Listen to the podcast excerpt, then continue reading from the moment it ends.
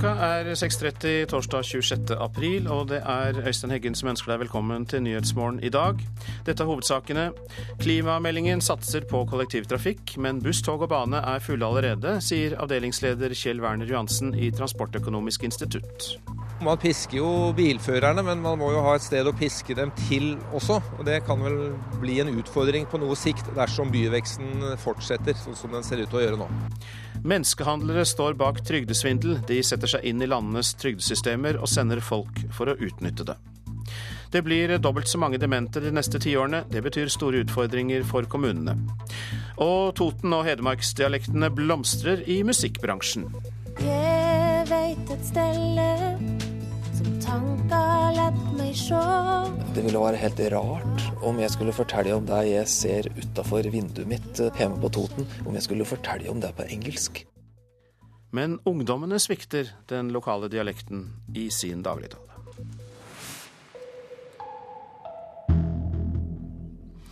Regjeringen vil at kollektivtrafikken, og ikke bilene, skal ta unna den økte trafikken inn og ut av storbyene. Det går fram av klimameldingen som kom i går. Men på bussen og på tog og banen er det fullt allerede, sier altså avdelingsleder Kjell Werner Johansen ved Transportøkonomisk institutt. Mye pressing inn til dører og siden det var veldig, veldig, veldig trangt. Det var veldig trangt og mye folk, da. Masse folk, lite T-baner. Altfor eh, trangt. Så det er ikke bare bare.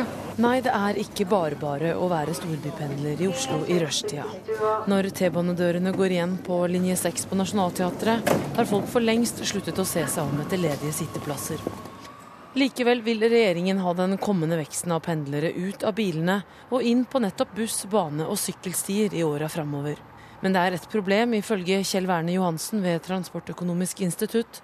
Kapasiteten er sprengt. Man pisker jo bilførerne, men man må jo ha et sted å piske dem til også. Og Det kan vel bli en utfordring på noe sikt dersom byveksten fortsetter sånn som den ser ut til å gjøre nå. Folketallet er ventet å øke med flere hundre tusen i Oslo-området i åra fremover. Også i Stavanger, Bergen og Trondheim er det ventet en kraftig befolkningsvekst. Og med tanke på klimaet vil regjeringen at flere skal droppe bilen og reise kollektivt. Miljøvernminister Bård Vegar Solhjell lover satsing. Vi skal eh, satse mer på kollektivtrafikk generelt. Vi skal bygge ut mer tog. Og så skal vi òg eh, hjelpe byene med å eh, lage det vi kaller bypakker, der de får mer penger, men samtidig må de da gjøre mer for kollektivtrafikk og redusere biltrafikk. Men hvor mye penger det vil bli til utbygging, vil han ikke si noe om ennå. Det er ikke noe beløp vi har presentert her nå. Eh, Det kom i det som heter Nasjonal transportplan. Der vil vi se hvilke strekninger skal vi satse på, hvor mye penger skal vi bruke i ulike perioder. Hvis dette, denne veksten fortsetter, så må det større kapasitetsutvidende tiltak til. Og da snakker vi vel om mer T-banelinjer og den typen ting som, som fort blir svært kostbart. Det sier Kjell Werner Johansen ved Transportøkonomisk institutt.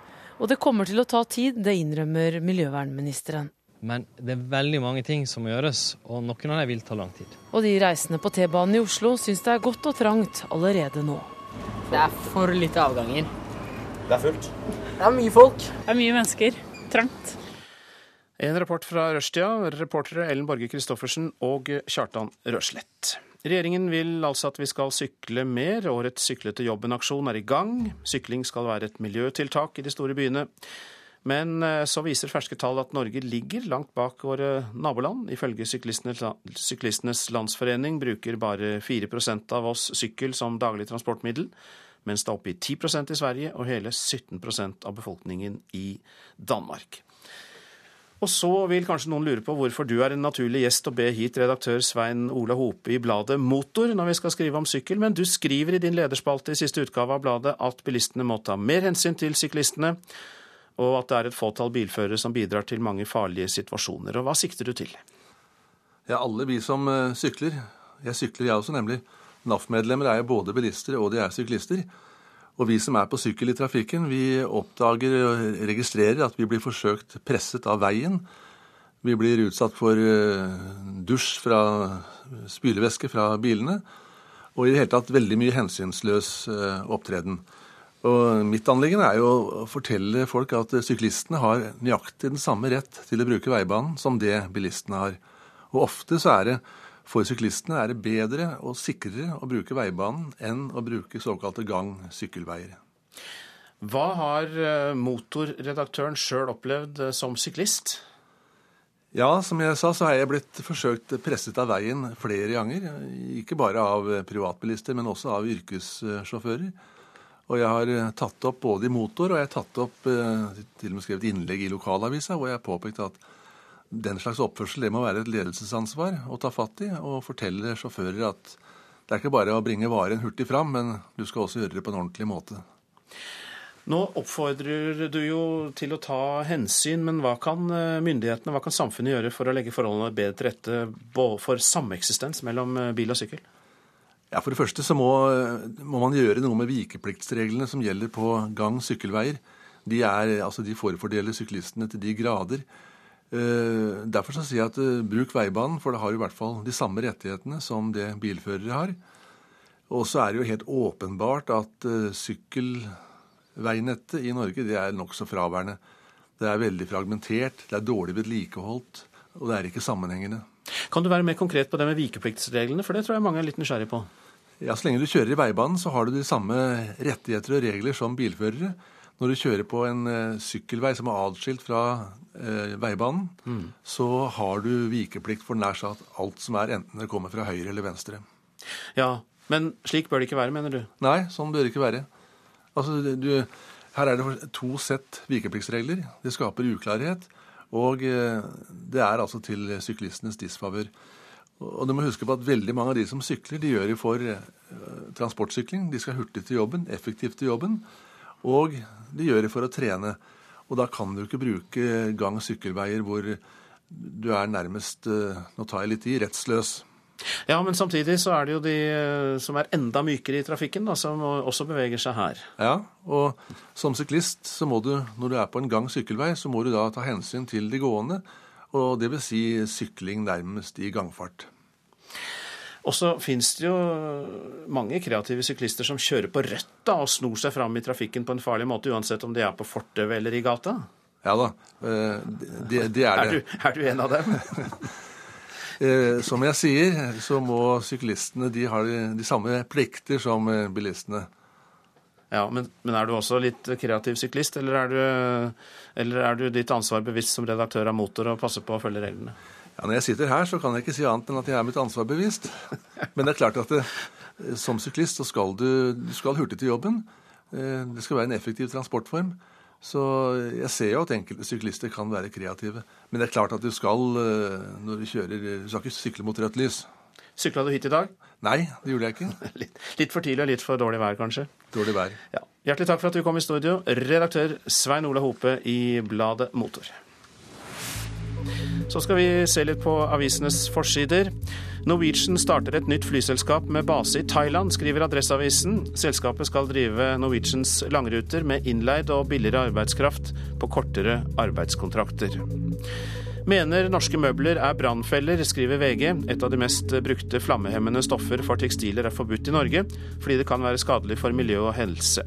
Men nå slår Brannvernforeningen alarm.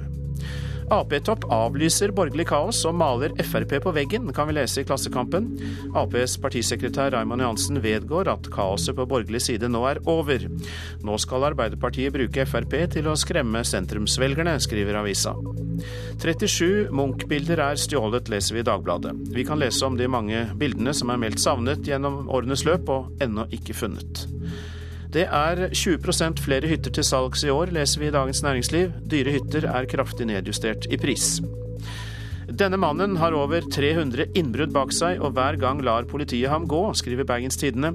Bare denne uken har 49-åringen fire innbrudd bak seg, men han er for syk til å kunne straffes, og sier selv til Bergens Tidende at han ikke helt vet hva strafferettslig tilregnelig betyr. Klimaseier for nye SV er oppslaget i Dagsavisen når to tredeler av klimakuttene skal tas i Norge, men de ansatte i oljesektoren mener at det aldri blir gjennomført. Regjeringen vil at det skal hogges mer skog, og samtidig skal det være økt skogplanting, skriver Nasjonen. Skogeierforbundet gleder seg over at skogplanting får status som klimatiltak her i landet. En eh, verden på bristepunktet er vårt lands førstesideoppslag, for det internasjonale energibyrået refser Vestens ledere for elendige klimatiltak. Verdenssamfunnet binder seg stadig mer til fossil energi, mener energibyrået. Tiss og bæsjnekt i skogen, skriver Nordlys. Kåfjord kommune har innført forbud langs Olderdalselva for å beskytte drikkevannet. Fra 2020 og tiårene deretter blir det trolig dobbelt så mange demente i Norge. Stadig flere eldre som opplever slik tap av mental kapasitet, vil gi kommunene store utfordringer, sier fagfolk. Willy Haldorsen fra Sulitjelma oppdaget at ikke alt var helt som det skulle være med kona da hun var 61 år. Nei, det var, det var sånne små ting som ikke jeg riktig fikk til å, til, å, til å, stemme. Det var det første. Sånn, sånn helt sånn, sånn små ting. Men, men jeg klarte ikke å forbinde med, med Alzheimer med at hun var såpass ung. Så eh, til å begynne med så, så hadde jeg litt problemer. I ettertid så er det jo lett å se det.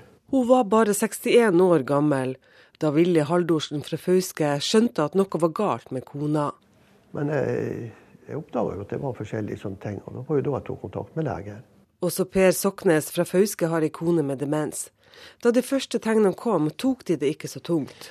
Nei, Det var jo småting i hverdagen, da. sånn som uh, plukke ut av vaskemaskinen, oppvaskmaskin. og så, så kunne det være litt vanskelig å finne det igjen etterpå. I hvert fall når, når hun gjorde det, da. Eller så Brillene, typisk eksempel. Lette etter brillene sine. Vi spøkte jo litt med det til å begynne med. da. og Etter hvert så forsvant vel smilet, kanskje, og, og spøken. Kona til Soknes bor i dag på Fauske helsetun. Hun er en av over 70 000 demente i Norge. De neste årene vil behovet for hjelp fra demente øke kraftig.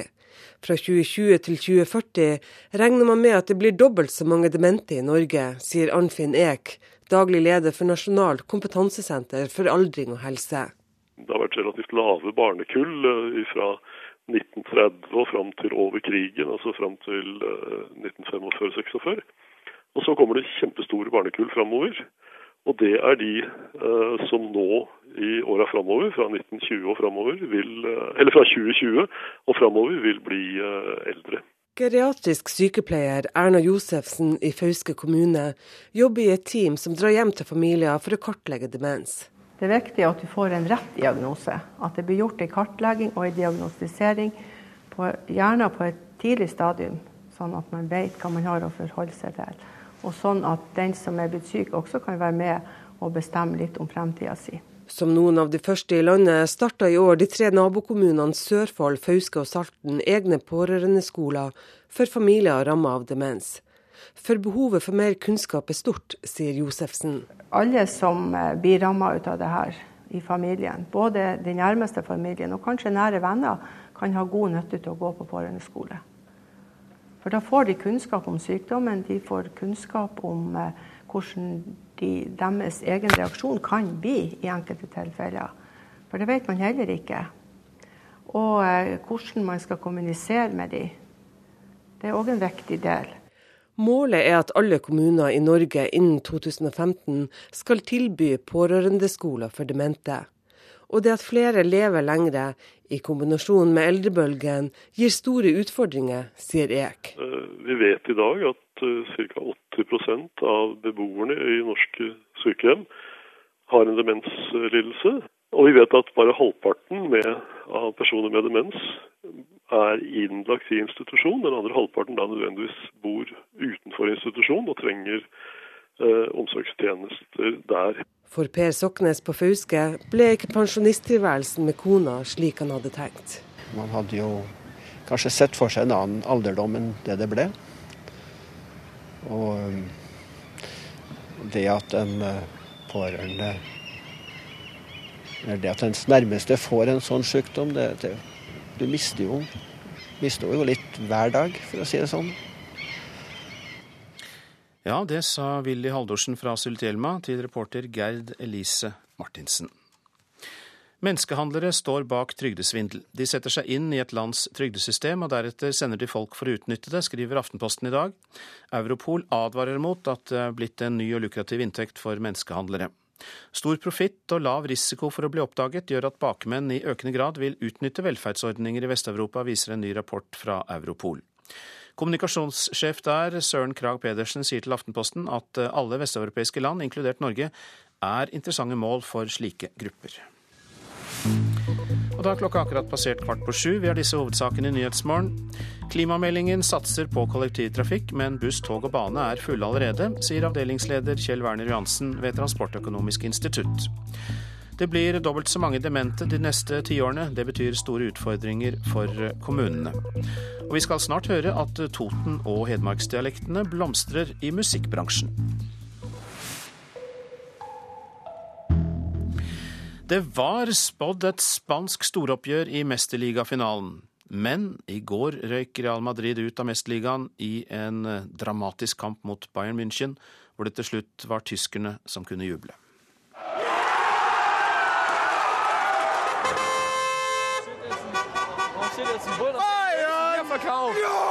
Ut ifra feiringa skulle man nesten tro at laget allerede har vunnet Mesterligaen. For etter den høydramatiske semifinalen var det full fest i Münchens gater. På forhånd hadde ekspertene spådd nok et El Clásico-oppgjør i mesterligafinalen, men i går var det Bayern München som sikra seg billett til finalen, hvor de hjemme på Allianz Arena møter Chelsea. Real Madrid-trener José Mourinho roste motstanderlaget etter kampen, men er klar på hvem han heier på når finalen spilles 19. mai. I respect a lot these Mr. And and uh, the players from Bayern, but um, Inter and uh, and and Chelsea they mean a lot in in my life, and I would like Chelsea to to win the final. Ronaldo skaffa Real Madrid en 2-0-ledelse før kvarteret var spilt og Real var på god vei mot finale. Men akkurat som Chelsea kom tilbake etter 0-2 i tirsdagens semifinale, ga Bayern München aldri opp. I'm very proud of my team. After I don't know 14 minutes, you're 2-0 down. Then you have to be mentally strong, you know, to to cope with it. And um, I think in the end, um, I can. I, I think we can say it's maybe deserved. Sarien Robben til Viasat etter kampen. Den tidligere realspilleren sørga for ekstraomganger etter 2-1-skåring og 3-3 sammenlagt mellom lagene. Etter målløse ekstraomganger var det klart for straffespark. Og best fra 11-metersmerket var det tyske laget, og skuffa Real Madrid-spillere måtte innse nederlaget. We, we are quite disappointed. For i går og i natt var det i Tyskland man kunne feire. Reporter Kristine Norvik Skeide. Nisseberget i Slottsparken i Oslo er det slett ikke alle som har hørt om. Men der bør minnesmerket etter 22.07 ligge, mener den regjeringsoppnevnte styringsgruppa. Bortgjemt og fjernt fra stedet der terroren rammet, mener kritikerne. Vi sitter og har totalt panorama over, over hele eksplosjonsstedet. Leder Gjert Gjertsen i Norske Billedkunstnere åpner vinduet og ser rett ut på regjeringskvartalet. Fra kontoret i Grubbegata er det kort vei til ødeleggelsen etter terrorangrepet 22.07. Det ser ut som en ørken. Men minnestedet for ofre og berørte i regjeringskvartalet skal ikke være her, om forslaget til den regjeringsoppnevnte styringsgruppa for minnesmerker går gjennom. I går kom den med sin anbefaling. Minnestedet bør ligge på Nisseberget i Slottsparken. Det mener Gjertsen er unaturlig. Jeg mener i den grad man i fysisk, praktisk forstand kan, kan legge et minnesmerke og et minnested her i Oslo, så, så, må det være der det skjedde. Et slags norsk ground zero i, i, i Oslo.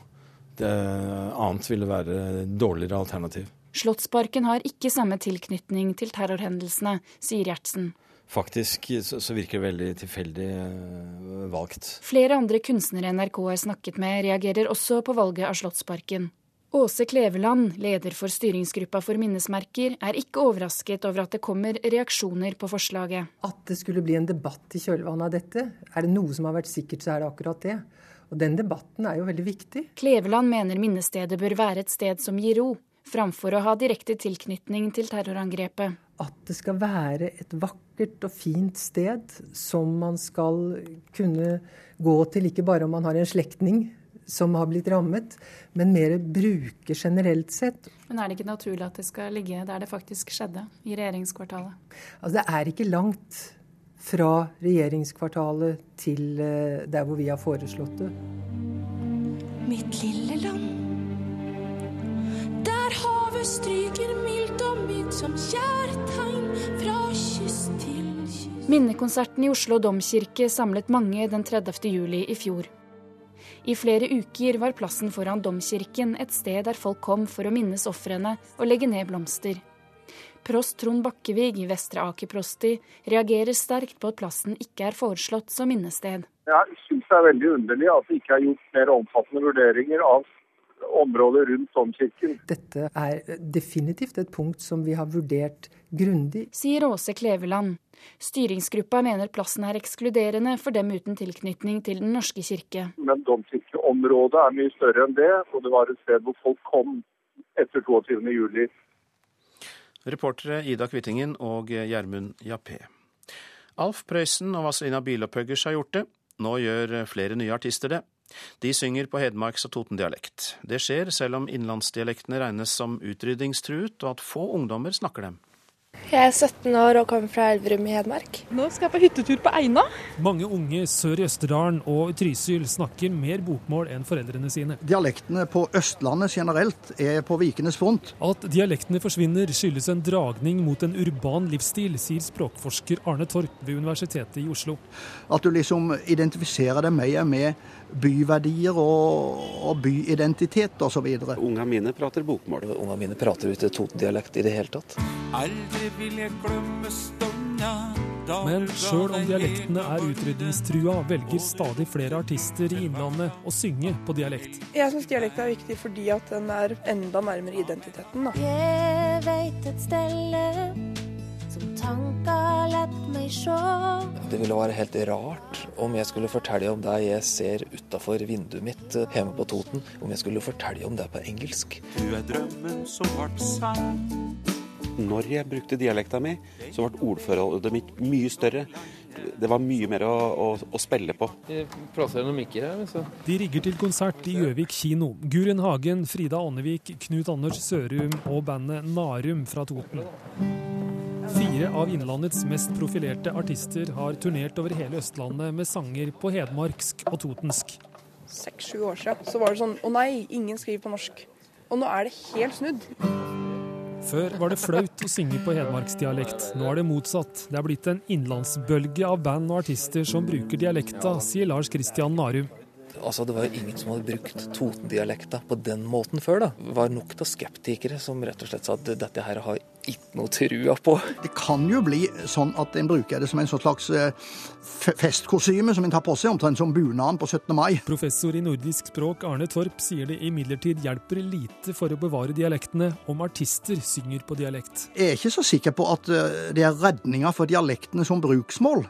Oppe i Hallingdal så har du Hellbillies, men det går jo dårlig med hallingmålet, fordi om de synger på hallingmål, hjelper ikke så mye, det ser ut til. I Norges største radiokanal, NRK P1, er 49% av musikken med norske utøvere. Mer enn hver tredje låt som spilles, har norsk tekst. Jeg merker det, at jeg har veldig mye å velge mellom hver uke. Nils Åge Nonstad i programmet Norsk på norsk sier det er flere artister nå som synger på dialekt enn før. Jeg har lagt merke til at artistene er mer uh, trygge på seg sjøl. De markedsfører OK, jeg synger på dialekten min, jeg, jeg, står for det, og så tror jeg også da at unge, ungt publikum òg responderer på det. Jeg syns det er veldig kult vi får spredd språket, da. Ikke bare masse bokmål. Altså, vi, vi, får høre ting som vi ellers ikke ville hørt. Vi får en mye større variasjon i, i musikkuttrykket. Det syns jeg er helt fantastisk. Reportasjen var laget av Stein S. Eide. I Russland mener landets mest kjente rockeartist at han blir forsøkt sensurert, og at han blir nektet å opptre flere steder i landet. Jury Sjevtsjuk har ledet bandet DDT i mer enn 30 år, og det siste året har han blitt en av de mest høyrøstede kritikerne av den måten Vladimir Putin leder Russland på.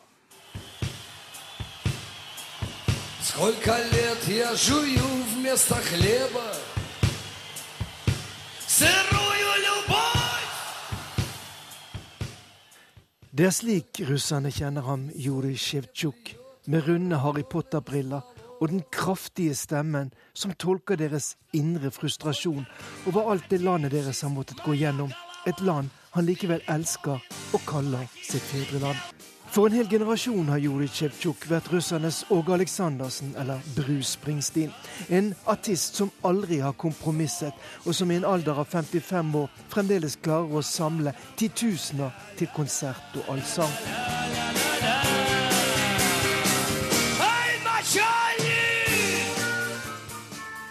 То есть свобода прессы, свобода информации, потому что то, что сейчас творится в стране, это скорее сословная страна.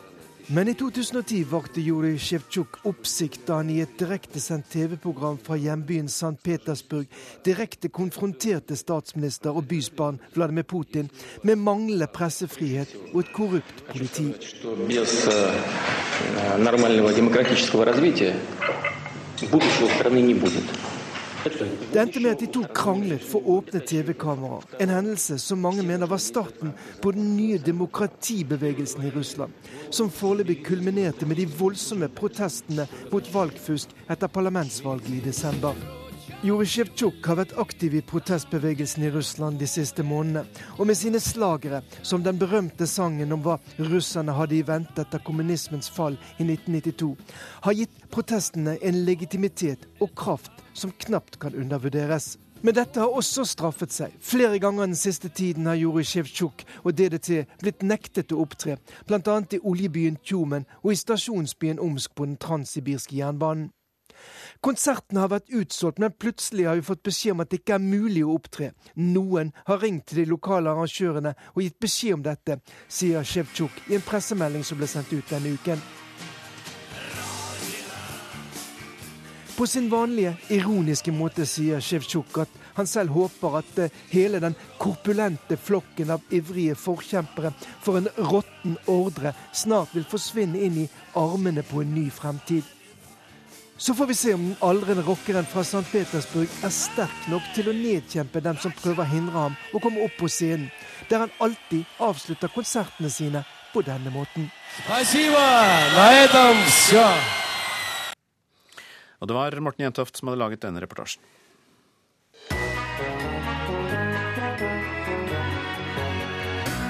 I dag skal Barn av regnbuen bli sunget så høyt at terroristen hører det inn på ventecella. Det er målet for den Facebook-gruppa som akkurat nå mobiliserer til sangaksjon.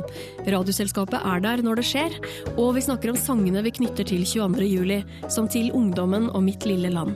Hva sier de om hvem vi ønsker å være som nordmenn? I NRK P2 klokka 11.03.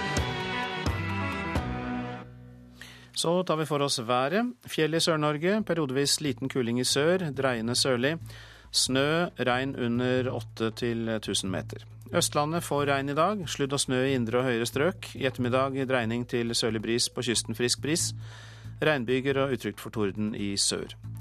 Vest-Agder, Aust-Agder og eh, Telemark får regn. I ettermiddag dreining til sørlig bris på kysten, frisk bris. Regnbyger i ettermiddag og utrygt for torden. Rogaland og Hordaland regnbyger og utrygt for torden også der. Sogn og Fjordane og eh, Møre og Romsdal perioder med regn.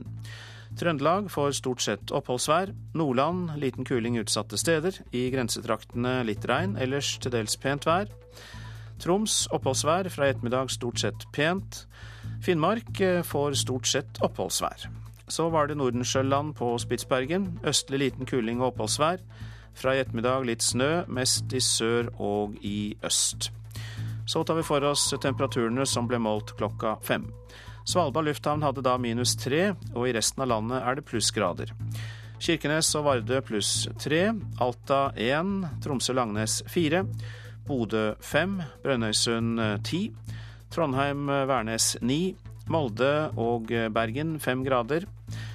Stavanger seks, Kristiansand-Kjevik sju. Gardermoen og Lillehammer begge fem grader. Røros tre grader og Oslo-Blindern sju grader. Og det var altså temperaturene klokka sju.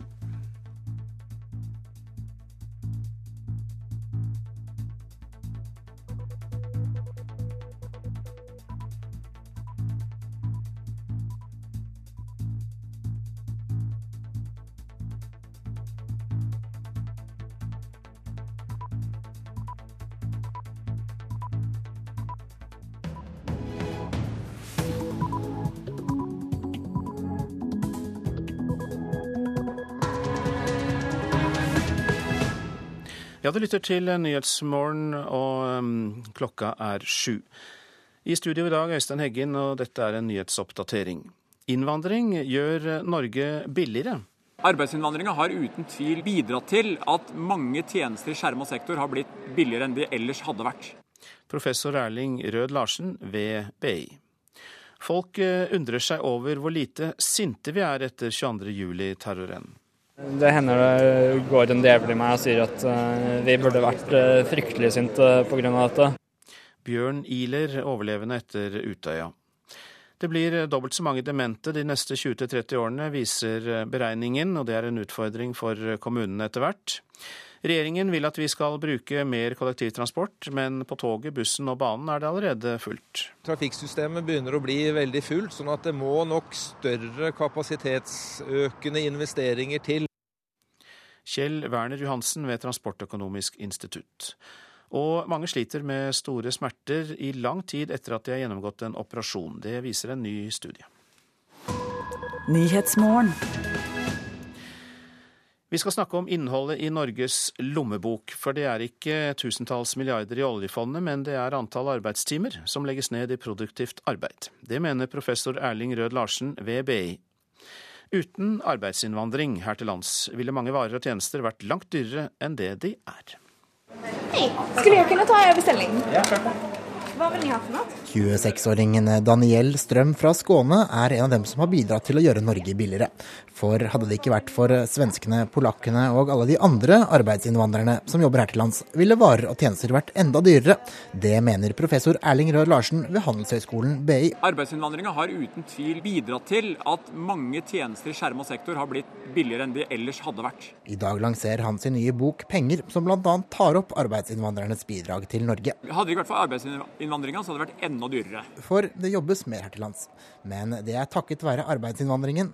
Siden 2003 har antall arbeidstimer økt med 600 millioner, eller rundt 20% viser tall fra Statistisk sentralbyrå. Dermed blir dette enkel markeds- og etterspørselsteori, mener professoren. Med færre tilbydere går prisene opp. I mange sektorer har det motsatte skjedd i Norge. Hvis vi ikke hadde fått tilbudt de 600 millioner arbeidstimene, så ville alle de tingene som rørleggertjenester, snekkertjenester, tømrere, alt som de tilbyr oss, det hadde vært da dyrere. For vi snakker tross alt om en, om en økning i arbeidstimene på 20% Det er ikke så enkelt som det betyr at det hadde vært 20 dyrere med lønninger hvis vi ikke hadde hatt de 20 da, men det ligger i den størrelsesorden.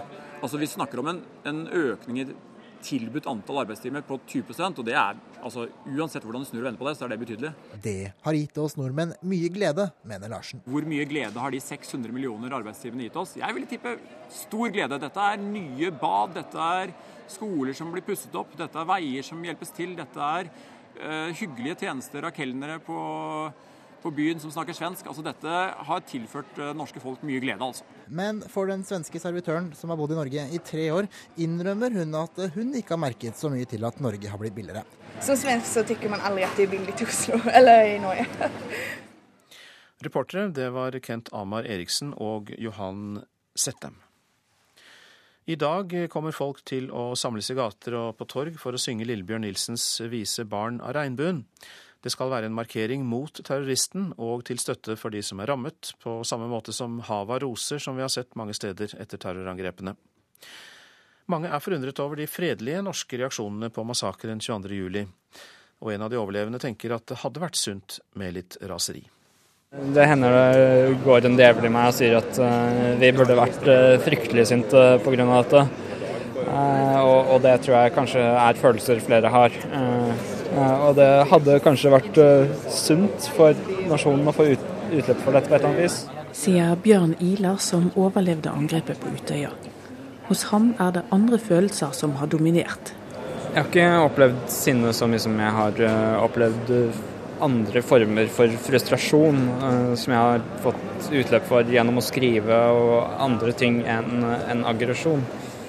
Anders Behring Breivik sa tidligere denne uken at han er overrasket over at pårørende eller andre i rettssalen ikke har kastet seg over ham i raseri.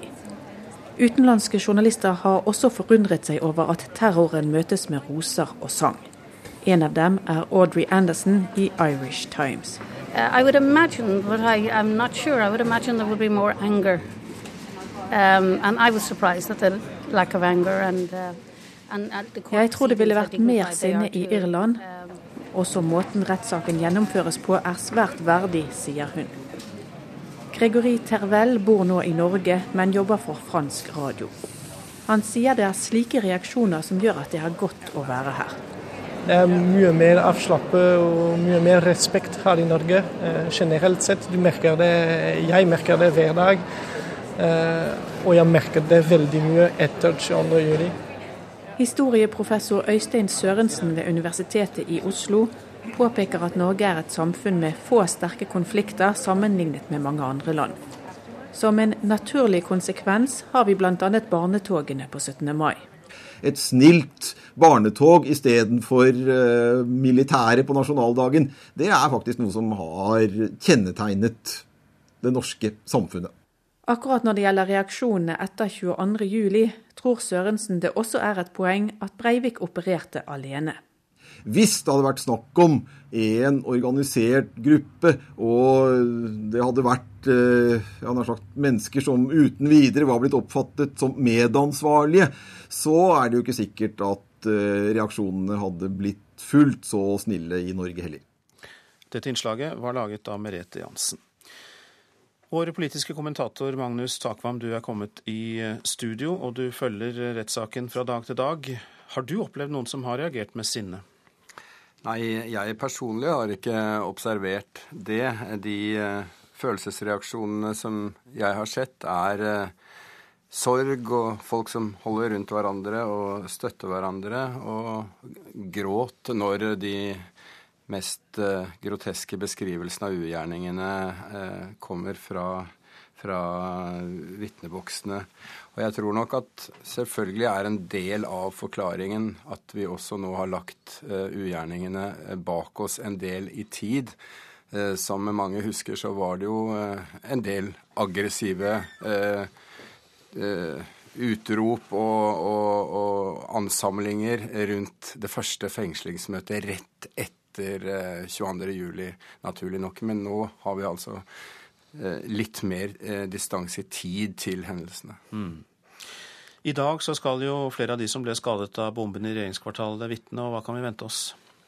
Det er eh, fem av de som er omfattet av tiltalebeslutningen, som ble sterkt skadet av bomben i regjeringskvartalet, som skal forklare seg i retten i dag. Blant andre den 67 år gamle Harald Føsker. Han var sammen med to andre inne Eh, i høyblokka da bomben sprang. Eh, han fikk eh, store skader på synet, bl.a.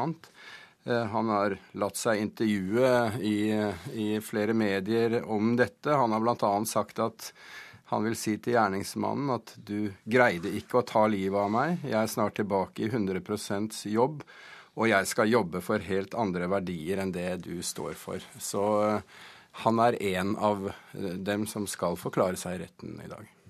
Og Han skal vi også snart eh, høre mer fra her i sendinga. Men før vi sier takk til deg denne omgang, Magnus Takvam, hva med Breivik? Må han forholde seg taus i retten nå en tid framover?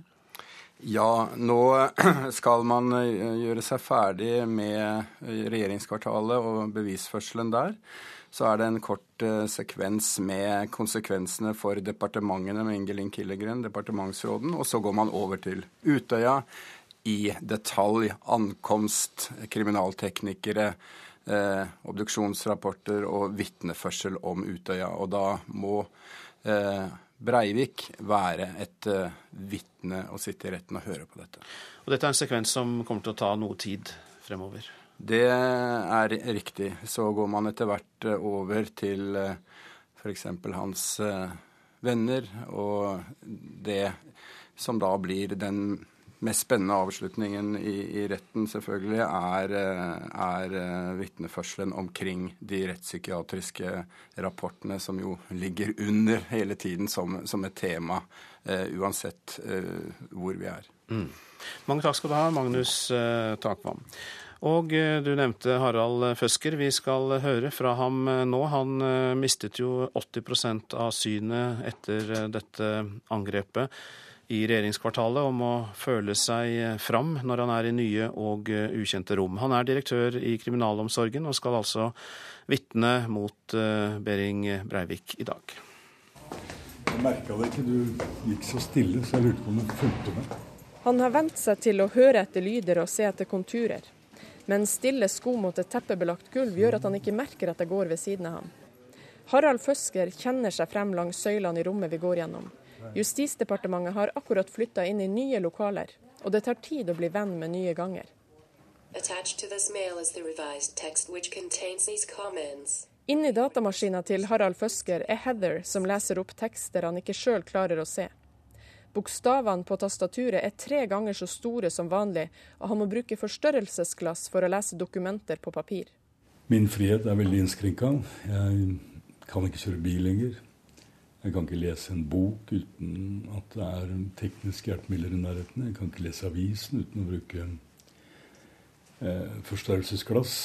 Um, jeg veldig, var veldig glad å gå på ski. Nå kan jo det komme seg. Men foreløpig så er det en litt sånn dramatisk ting å tenke på. Å dra på hytta på fjellet er også en risikosport for en mann som er kraftig svaksynt. Men han håper han slipper å selge den. Den 22. juli sto Føsker i femte etasje i høyblokka. Idet bomba gikk av, fikk han hele vinduskonstruksjonen over seg. Og da han våkna opp, så han ingenting. I dag har han 20% syn. Jeg ser at det ligger en telefon, men hadde underlaget vært svart, så hadde jeg ikke sett den. Det har noe med kontrast det kan jeg se. Jeg har en iPad hjemme, og den eh, lå på et svart bord. Det var et ganske stort svart bord, og jeg trodde jeg hadde mista den inntil noen kom hjem til meg og sa ja, men det er jo iPaden min. Men blir han ikke sint på Anders Behring Breivik? Kjempeforbanna, egentlig. Men det har vært veldig korte perioder. I dag skal direktøren i kriminalomsorgen stå i vitneboksen overfor han som frarøver ham friheten. Hvis han får mulighet, vil han gjerne si noe til Breivik. Jeg tror jeg kunne tenkt meg å, si noe sånn som at uh, han ikke lyktes i å ta livet av meg, som var hans uh, klare formål. Å drepe flest mulig mennesker i regjeringskvartalet. Og jeg har slitt hardt for å komme tilbake i jobb. Og for å jobbe med verdier som um, bl.a. innebærer en human fangebehandling. Og at um, det har ikke han greid å ta fra meg. Meningen med jobben min og innholdet i livet mitt. Det sa Harald Føsker, som altså skal vitne i dag, til reporter Eva Marie Strand. Regjeringen gir ingen konkrete løfter om karbonfangst i den nye klimameldingen. Det fastslår Bellona-leder Fredrik Hauge overfor NRK. For fem år siden var statsminister Jens Stoltenberg svært klar på at dette skulle bli Norges såkalte månelanding i miljøpolitikken. Nå kan Norge ha mistet en av mulighetene til CO2-kutt som ville tilsvart 20 ganger den sykkelsatsingen regjeringen satser på. Vår visjon er at vi innen syv år skal få på plass den teknologien som gjør det mulig å rense utslipp av klimagasser. Det blir et viktig gjennombrudd for å få ned utslippene i Norge. Du husker visjonen fra 2007. Dette er et stort prosjekt for landet. Det er vår månelanding. Månemålet var å fange og lagre CO2 fra de aller største utslippskildene, slik at det ikke slippes ut i atmosfæren. Klimameldingen har ingen nye forpliktelser som gjør at vi nærmer oss målet. Fredrik Haug i Bellona er skuffet. Når vi ser hva som sto i den første Soria Moria-erklæringen, og hvordan oljeindustrien har arbeidet mot dette, så har jo regjeringen ikke klart å gjennomføre sine ambisjoner. Og jeg synes at det er viktig at vi nå får til en bred politisk enighet om at bl.a. gassprosesseringsanlegget på Kårstø skal renses innen 2020. Det kan ikke regjeringen love. Kanskje et av de punktene vi er mest skuffet over. Fordi nå lyder statsminister Jens Stoltenbergs svar det er et uttrykk for at eh, karbonfangst eh, dessverre har vist seg dyrere og vanskeligere å få til i alle land, også i Norge, enn det vi håpet for noen år siden. I 2010 kom en rekke eksperter med konkrete forslag til klimakutt. Basert på deres beregninger har karbonfangst alene et potensial på 2,5 millioner tonn. Totalt skal vi kutte minst 12 millioner tonn. Uten månelandingsteknologien kan det spøke for hele klimamålet, tror Hauge. Ja, det blir uhyre, uhyre, hardt. Da er det enten veldig mange biler som skal av veien, eller veldig mange gårdsbruk som skal legges ned, eller veldig mange smelteverk som skal stenges. Nå er Stoltenbergs svar at han har så mange andre tiltak. Men det er også en av grunnene til at vi kommer med mange nye tiltak. Massiv satsing på jernbane, på sykkel, som faktisk er et veldig viktig klimatiltak. Men karbonfangst ville vært nær 20 ganger så effektivt ifølge ekspertene fra 2010, for 143 000 tonn er lite i den store sammenhengen. Eh, det er veldig fint at folk sykler, og det er eh, bra for miljøet. Det er bra for eh, alle de som sykler, men det er klart at de store punktkildene de representerer enormt mye utslipp. Og tør vi ikke å ta oljeindustrien og deres verdikjede, så blir det tøft å oppnå resultatene gjennom sykkelstier. Det er helt sikkert. Fredrik Hauge til reporter Lars Nehru Sand. Klokka den nærmer seg 7.16, og vi har disse overskriftene i Nyhetsmorgen. Menneskehandlere står bak trygdesvindel. De setter seg inn i landenes trygdesystemer og sender folk for å utnytte det. Klimameldingen satser på kollektivtrafikk, men buss, tog og bane er fulle allerede, ifølge Transportøkonomisk institutt. Det rettes krass kritikk mot forslaget til minnested etter 22.07 i Oslo. Komité foreslår Nisseberget i Slottsparken som minnested.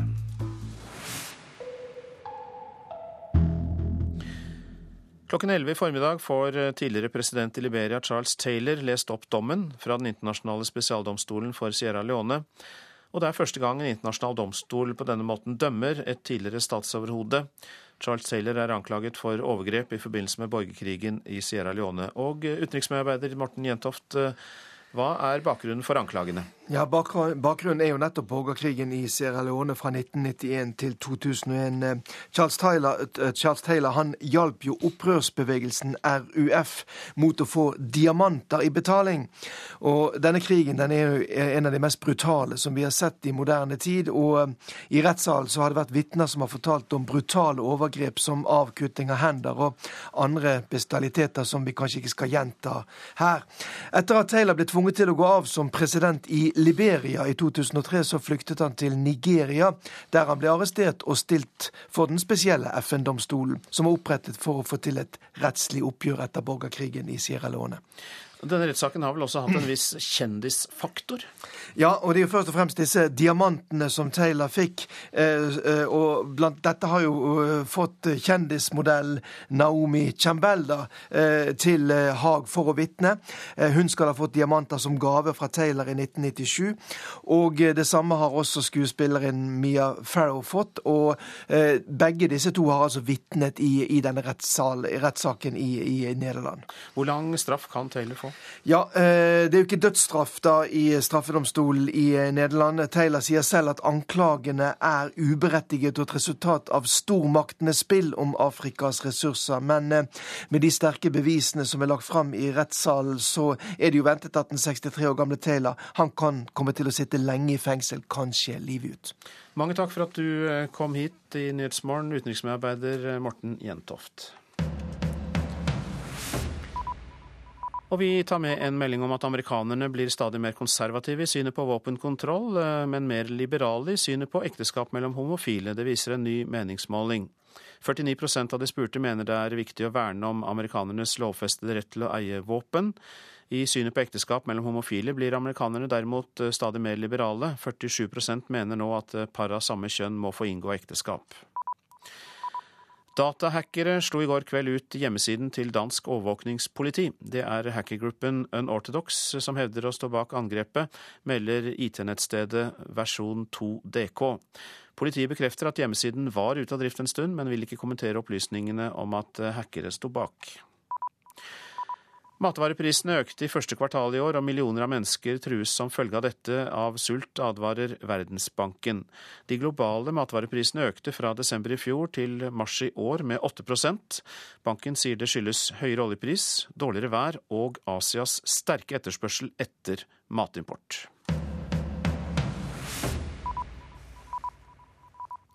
Den afrikanske union kom denne uken med et såkalt veikart for fred for å få slutt på kampene mellom Sør-Sudan og Sudan.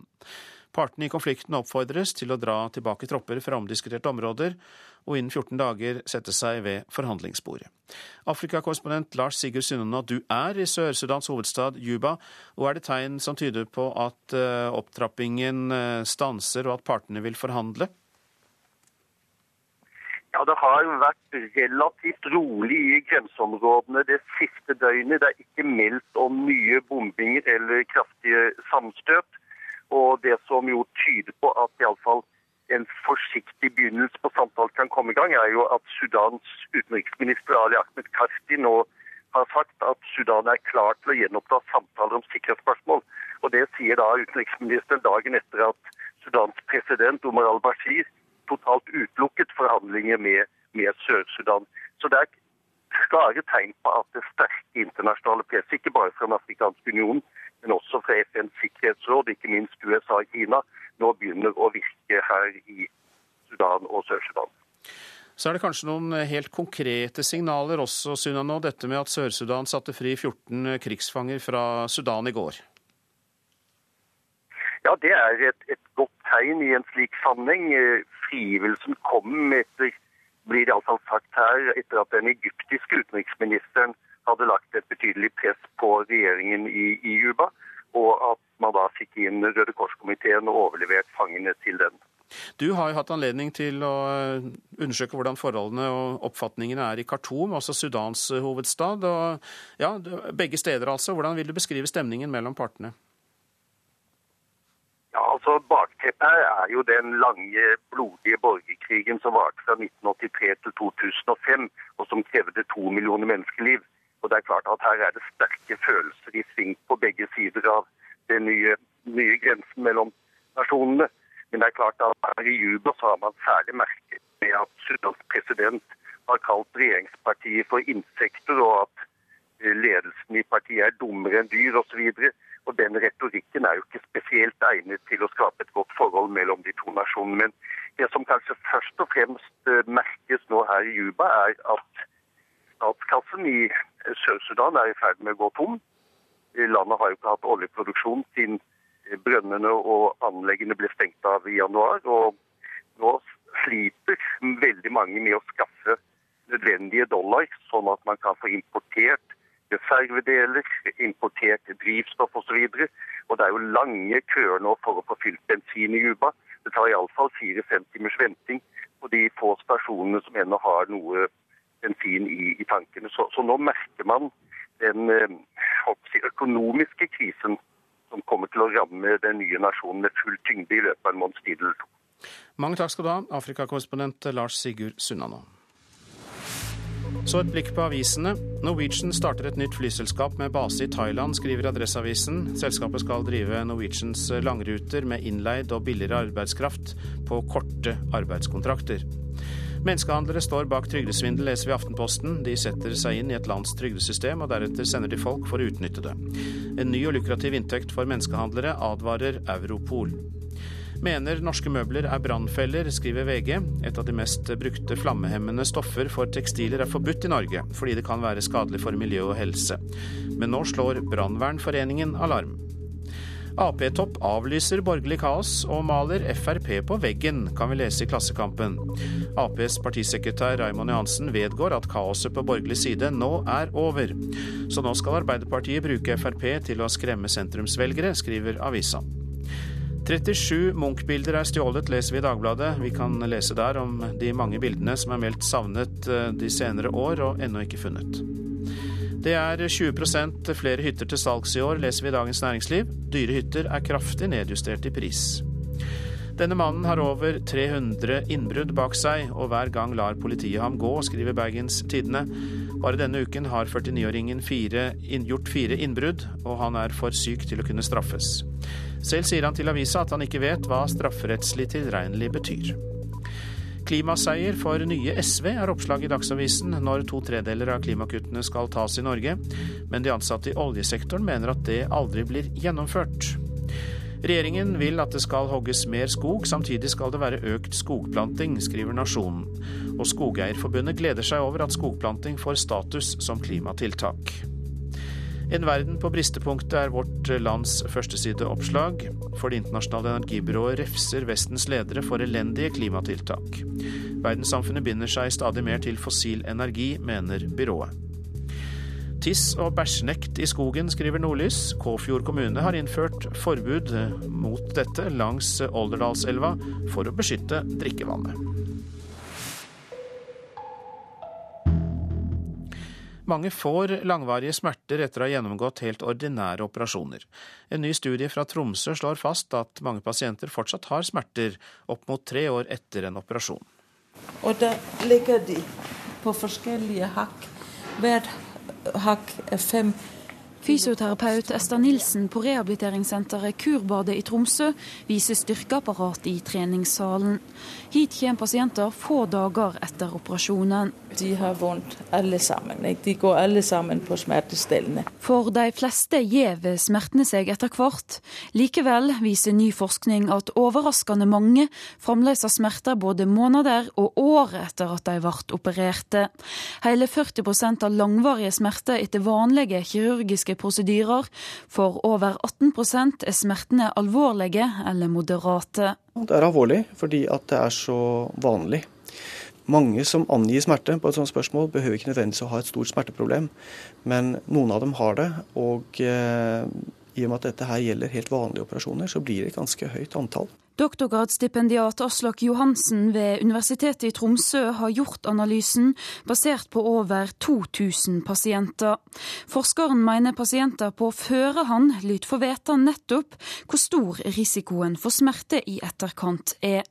Et poeng syns jeg er at dette bør tas med i samtalen med kirurg før operasjonen sånn at pasienten er informert på forhånd. I noen tilfeller så kan det være en del av avveiningen om denne kirurgien bør gjøres. I mange tilfeller så er kirurgi nødvendig uansett, men da vil det i hvert fall hjelpe pasienten at de er informert på forhånd. Fordi at da vil man kanskje lettere kunne håndtere det når man får det, og ikke tenke at det har skjedd noe galt, eller tro at det er kirurgen som har gjort noe galt. fordi at ofte kan det bli en sånn jakt på en syndebukk hvis man får et smerteproblem uventa. Tror du at uh, pasienter kanskje kan velge vekk operasjoner hvis du vet at risikoen for faktisk bli, ha vondt lenge etterpå? Ja, det, det kan de jo. Men uh, mange former for kirurgi er jo helt nødvendig. En del kirurgi er livsnødvendig, men selv da syns jeg at det er greit å være informert uh, på forhånd. Når det kommer til ting som kosmetisk kirurgi f.eks., så vet vi også fra f.eks. Uh, brystplastikker eller brystkirurgi at det er en god del som får smerteproblemer, og som kanskje ikke ville gjort det hvis de hadde visst det på forhånd. Når alt annet er prøvd, kommer pasienter som har hatt vondt lenge, til smerteavdelinga ved Universitetssykehuset Nord-Norge. Medisinsk ansvarlig Just Toner bekrefter at mange sliter med smerter etter å ha blitt operert. Av alle de vi mottar, så er mellom 10 og 15 av pasientene det er pasienter hvor smerteproblemet er forårsaket av et operativt inngrep. Først og fremst må man finne årsaken. Eh, fordi at eh, når man ser på personer som gjennomgår samme type kirurgi, så er det jo noen som får vondt, og noen får alvorlige smerteproblemer, mens andre ikke er plaget i det hele tatt. Og vi vet fortsatt veldig lite om hvorfor, så det er veldig langt frem til vi kan peke ut folk på forhånd og på en måte skreddersy behandlingen for, for hver enkelt. Ja, det sa overlege og doktorgradsstipendiat Aslak Johansen, og reporter her, det var Stine Hommedal. Vi har fått inn en melding om at politiet i den lille byen Shelbyville i USA har pågrepet og siktet en seks år gammel gutt. Eh, det skjedde fordi gutten slo seg vrang på skolen og skal ha sparket rektor. Nå er gutten siktet for overfall og trusler mot rektor ved skolen. Ja, du lytter til Nyhetsmorgen i NRK P2. Etter Dagsnytt så forteller vi noen av historiene bak de høye arbeidsledighetstallene i Spania. Det er Arnt Stefansen som har eh, levert en reportasje til oss. Og klima og trafikk det er et av temaene i Politisk kvarter, som altså kommer kvart på åtte. Prosent for denne Nyhetsmorgen, Ragnhild Bjørge. Her i studio Øystein Heggen. Og vi tar med at du går an å sende oss en e-post med kommentarer. Det er til adressen nyhetsmorgen.krøllalfa.nrk.no. krøllalfa nrk.no. Altså nyhetsmorgen.krøllalfa.nrk.no. krøllalfa nrk.no. Hør ekko. Denne fossen, eller irriterende suselyden, er inni hodet ditt når du skal sove, lese eller gå en tur i skogen. Skader på hørselen er den nye folkesykdommen. Ekko 9 11 i NRK P2.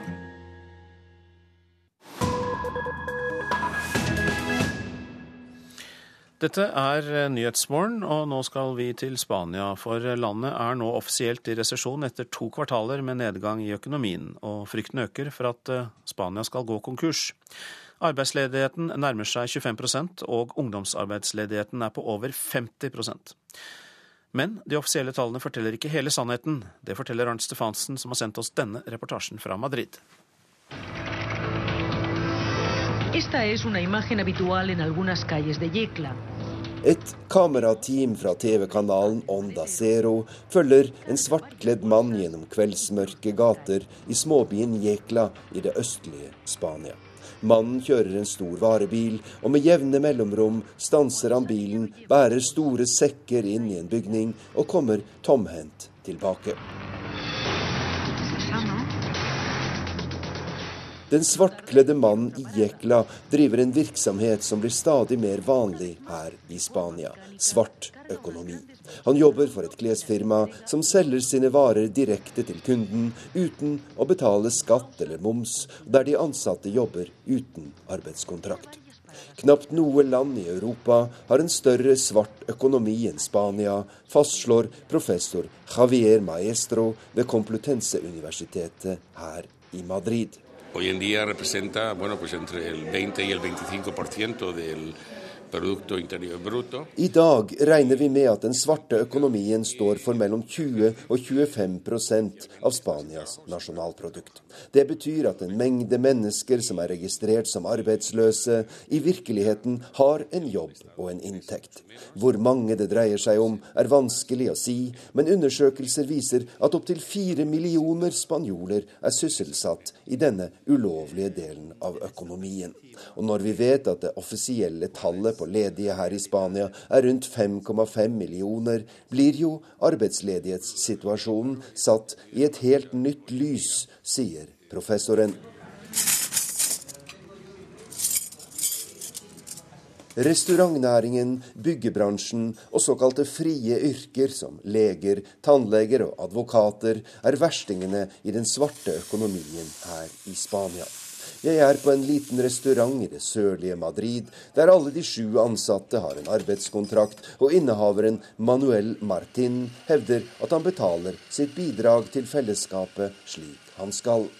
Men han slår fast at den spanske restaurantbransjen er beryktet for slavekontrakter og unndragelse av skatt og avgifter til det offentlige. Sí, sí, sí. Generalmente eh, hay bastantes restaurantes que contratan Ja, selvsagt. Jeg vet om mange restauranter som nesten aldri ansetter folk på kontrakt. I disse krisetider kryr det av mennesker som er villig til å ta en hvilken som helst jobb. Vemos como este hombre abre el maletero TV-kanalen Onda Zeros program om den svarte økonomien i småbyen Jekla har vakt oppsikt her i Spania. Hay una permisividad todavía eh, en la sociedad española ante el fraude. Tampoco las condiciones Generelt sett er det stor forståelse i det spanske samfunnet for denne typen lovbrudd. Og i dagens krisesituasjon har den svarte økonomien enda større aksept enn ellers. Derfor er det svært få som anmelder slike forhold. Mange tenker at neste gang kan det være noen i min familie eller en god venn som er kommet i denne situasjonen.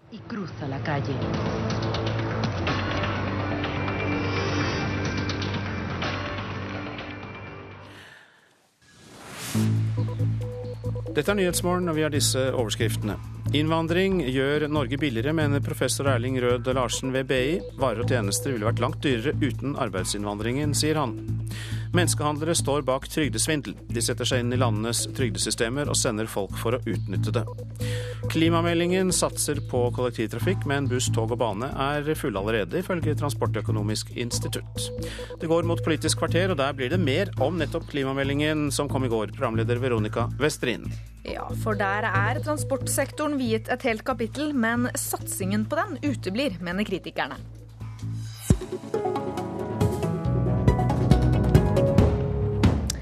I klimameldinga så legger regjeringen opp til å satse mer på kollektivtrafikk, for bilene skal ikke ta unna den økte trafikken inn og ut av storbyene. Og dette klinger vel godt i dine ører, Ola Elvestuen, Venstre-nestleder og byråd for samferdsel i Oslo? Eh, ja, det er veldig bra det at man skal satse på kollektivtrafikk, men det er ikke noe samsvar i klimameldingen mellom de målsettingene man setter seg og de tiltakene som man eh, foreslår.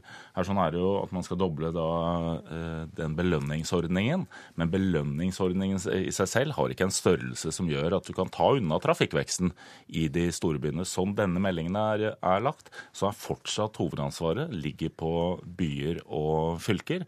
Og man går ikke inn fra regjeringens side og går inn på de store infrastrukturkostnadene som man står overfor. Det gjelder i Stavanger, det gjelder i Bergen, det gjelder spesielt i Oslo og Akershus. Ja, hvilke konsekvenser får dette for Oslo? Nei, Her har vi ingen løsning i forhold til hvordan skal vi få på plass en ny T-banetunnel, hvor vi trenger en eh, betydelig eh, statlig bidrag for å få dette til. Hvis vi ser på belønningsordningen som man har eh, i dag, så, jo, så har vi merket at fra i fjor så fikk vi 60 millioner. I år får vi null. Her sånn er det altså en negativ trend. Og dette må ses i forhold til de støtteordningene som vi har selv. Altså Oslo kommune alene bruker altså i drift av kollektivtrafikk bruker 1,5 milliarder hvert år. Eh, og da blir det statlige bidraget i forhold til dette er veldig lite. Og skal vi ta de store utfordringene på oppgradering av trikk, T-bane, store utfordringer på nye T-banelinjer, spesielt en tunnel gjennom sentrum, så trenger du et mye sterkere statlig eh, engasjement enn det det er til nå. Vi skal høre hvordan situasjonen i kollektivtrafikken i Oslo oppfattes eh, i dag. Jeg syns det er ganske slitsomt, for det er veldig fullt. Og så kommer man ikke alltid fram der man skal gå av. Ja, hva gjør så, du da? Da roper jeg høyt. Og her må dere flytte dere. Ja, Det var en dame som skulle hjem med to barnebarn eh, på T-banen i Oslo i går ettermiddag. Og SV-leder eh, Audun Lysbakken, er det slik at dere sier dere vil satse på kollektivtrafikk, men egentlig ikke gjør det? Jeg tar jevnlig buss på morgenen sjøl og kan skrive under på at det er trangt uh, iblant. Det har vært betydelige økninger i investeringen i kollektivtrafikk de årene vi har sittet i regjering. Både er investeringene i jernbanen økt til et helt annet nivå enn det var den gangen Venstre hadde samferdselsministeren, og vi investerer mer i kollektivtrafikk. Det klimameldingen nå sier, er at vi skal ha spleiselag mellom staten og de store byene, og at vi skal satse mer på kollektivtransport, særlig i de store byene. Det er vi helt avhengig av, fordi vi kommer til å ha en stor befolkningsvekst i alle storbyområdene våre framover. Og hvis ikke vi skal få voldsomme økninger i CO2-utslippene, så må den veksten tas kollektivt. Hvis vi prøver å bygge oss ut av det med nye motorveier, så så kommer det til å få to konsekvenser. Utslippene øker grassat, og folk kommer til å bruke mer tid i kø. Men det store paradokset er at Ola Elvestuen, som angriper SV her, sitter i et byråd i Oslo som ikke er villig til å tenke grønt i stor nok grad, men går inn for altfor mange store veiprosjekter i Oslo-regionen. Ja, ja, nå må SV altså begynne å ikke bare si det de mener, de må også begynne å gjøre det de sier. For det som har skjedd i Oslo, er altså gjennom de siste ti årene så har Oslo, sammen med Akershus, også bygget opp altså et kollektivsystem som er blitt betydelig bedre. Vi har 30, over 30 30% økning i antall reisende, og biltrafikken er nå på samme nivå som i 2005. Vi har nådd de målene som eh, regjeringen nå mener at de skal sette seg, og dette har vi gjort med kontinuerlige borgerlige budsjetter helt tilbake fra 1997. Bård Hoksrud fra Fremskrittspartiet, er du fornøyd med den satsingen som legges fram? Nei, jeg er absolutt ikke fornøyd, fordi den er ikke konkret og tydelig på hva skal man gjøre. Det er én ting som er konkret innenfor transportsektoren, og det er at man vurderer å øke drivstoffprisen med to til tre ganger så mye som det den er i dag. Det vil folk virkelig merke på lommeboka si. Men jeg har lyst når Audun Lysbakken prøver å si det at eh, denne regjeringa har bevilga så mye mer penger til kollektiv. Eh, I forgårs hadde transportkomiteen møte med KS. De sier altså at inntektene har økt med ca. 44% men kostnadene har økt med over 80% i kollektivtrafikken. Det betyr at fylkeskommunene er dårligere i stand til å løse utfordringene innenfor kollektivtransporten enn det de var før 2005. Og Det er jo den store utfordringen. og Her ligger det ingenting konkret i hvordan man skal løse det, hvilke penger man har tenkt å stille til disposisjon. Og Det er den store utfordringa med det som ligger i klimameldinga. Man kommer ikke til å løse det, og man må både bygge vei og man må uh, bygge ut kollektivtilbudet. Hvorfor kommer dere ikke med noen flere løsninger? Vi, har, jo, men vi kommer med mange løsninger. for det Klimameldingen gjør at den legger klare føringer for den neste eh, nasjonale transportplanen. og Begge disse to herrene vet godt at det er der pengene kommer. Eh, Så ligger det veldig tydelige føringer her for hvordan vi skal investere. Og da sier vi at vi må tørre å ta et valg. Vi kan ikke gjøre sånn som Bård Hoksrud sier, nemlig si vi skal bygge masse veier i de store byene og satse masse kollektivt. Vi må prioritere kollektivt. fordi hvis ikke vi gjør det, så kommer ikke utslippene til å gå ned sånn som de må, og vi kommer heller ikke til å få økt framkommelighet. For da kommer vi til å få stadig voksende bilkøer. Næringslivet ber f.eks. om køprising eh, i flere av de store byene. I, i, i det rød-grønne Trondheim så har vi altså klart å få ned biltrafikken med 10 kollektivtrafikken opp med 30% Men eh, byrådet i Oslo har ikke mot til å innføre samme type tiltak. I samarbeid med Høyre så går Venstre inn for nye motorveiprosjekter. Og disse to herrene som angriper meg fra hver sin side, sier nå at de skal samarbeide i regjering sammen, og de er på hver sin planet i samferdselspolitikken. Borgerlig byråd i Oslo har gjennom en tiårsperiode bygget opp et kollektivtrafikk som var en katastrofe fra 90-tallet, men nå er noe som virkelig er noe, noe byen kan være stolt av. Og vi skal fortsette den satsingen.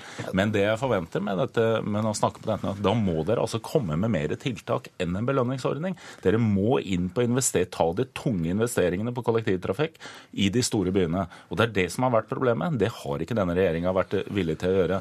Og da må, dere altså, da må dere slutte å bare legge fram og late som og si de være de frommeste i klassen og si de fineste tingene. Dette handler ikke om hva man sier. Det handler om hva man, det om hva man Men. Bård Hoksrud, forventer dere ikke litt mye her? Er ikke dette noe som kommer i Nasjonal transportplan om et Altså, år? Poenget er at Nasjonal transportplan det er bare et dokument som ikke er verdt papiret det er skrevet på før det faktisk blir fulgt opp i de årlige budsjettene. Så når Lysbakken prøver å si at vi, pengene kommer i Nasjonal transportplan, det er jo bare tull. For Nasjonal transportplan er en føring på hva man tenker å gjøre, og så er det de årlige budsjettene som avgjør hva man får til samferdsel. Og utfordringa er altså at kostnadene har vært mye høyere enn det inntekten har vært, og det betyr at da får man et dårligere tilbud. Oslo er jo den, det, den kommunen og det fylket som faktisk blir straffa i belønningsordningen. De fikk bare knappe 20 millioner, til tross for at de er de beste på kollektivtrafikk, og spesielt i rushtid. Og det er jo tragisk at man har en regjering som sier at man skal satse på belønningsordning, få flere til å gå på kollektiv, men i Oslo så straffer man de fordi, fordi de faktisk får til gode løsninger. Men også i SV så er vi opptatt av å prioritere. Hvis vi skal få ned klimautslippene, og jeg vet at det er ikke et argument som biter så veldig på Frp, for dere er ikke opptatt av det, men, men vi er opptatt av det. Hvis vi skal få ned klimautslippene, da må vi satse på kollektivtrafikk, og så må vi samtidig sette i verk tiltak som kan få ned biltrafikken i de store byene.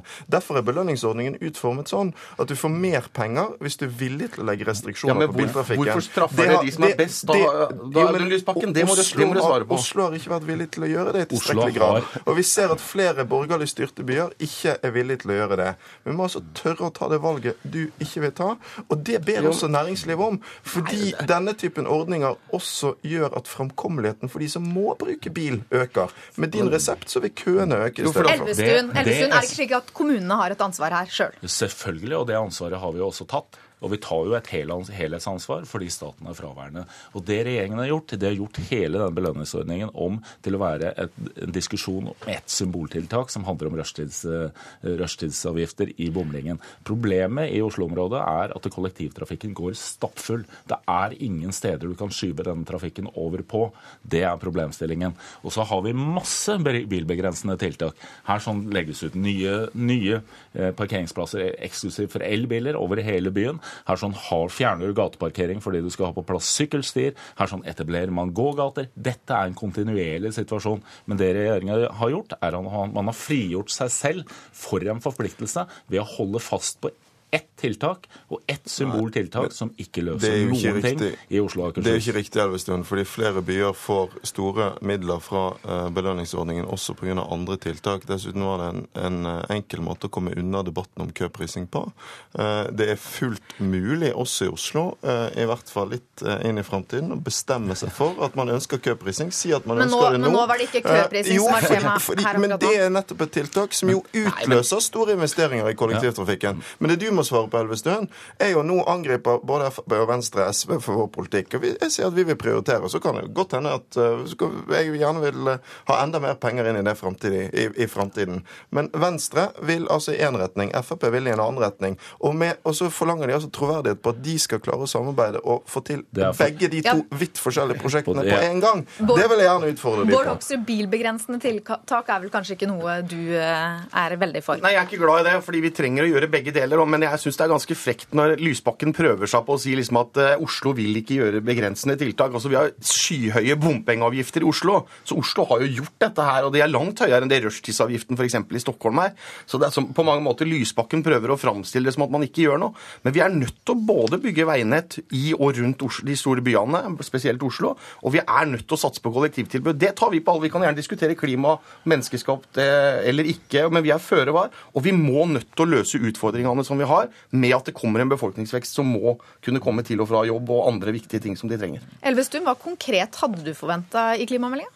mye tydeligere forpliktelse i forhold til staten for å bidra til tunge infrastrukturtiltak i de store byene. Det trenger du. Og så trenger du også en tydeligere, eh, en tydeligere tenkning om både fremdrift, men også, eh, også, en finansiering av bygging av jernbane. Det er det du trenger. Så trenger du også en tydeligere Her sånn setter man bare målsettingen, men du har ikke tiltak som står i forhold til målsettingen. Man forteller ikke nøyaktig hva er målsettingen for å redusere de ulike utslippene på de ulike sektorene, som så kan følges opp i videre planarbeid. Dette er ikke starten på en tydelig omlegging for at vi skal være i front for å redusere klimagassutslipp. Dette er å synliggjøre det vi allerede driver med. Det er noen ekstratiltak, og så snakker man fortsatt i de store ordene. Ja, Lysbakken, heller ikke på jernbanen så kommer det vel noe tidspunkt for når, når dette skal være klart, dette intercity-triangelet? Klimameldingen sier at nå skal det komme framdriftsplaner for de enkelte strekningene i Nasjonal transportplan. Eh, dette er en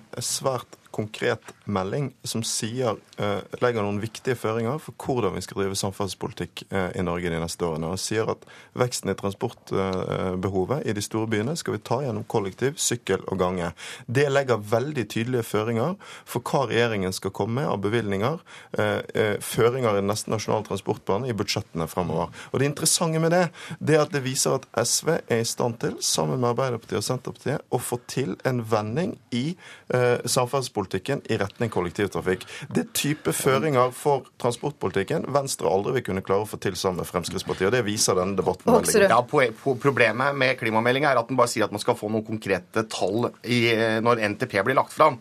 Altså, poenget er at hvis man skal bygge ut intercitytriangelet eh, Oslo, Halden, eh, Skien, eh, Lillehammer, så trenger man også 130 milliarder kroner.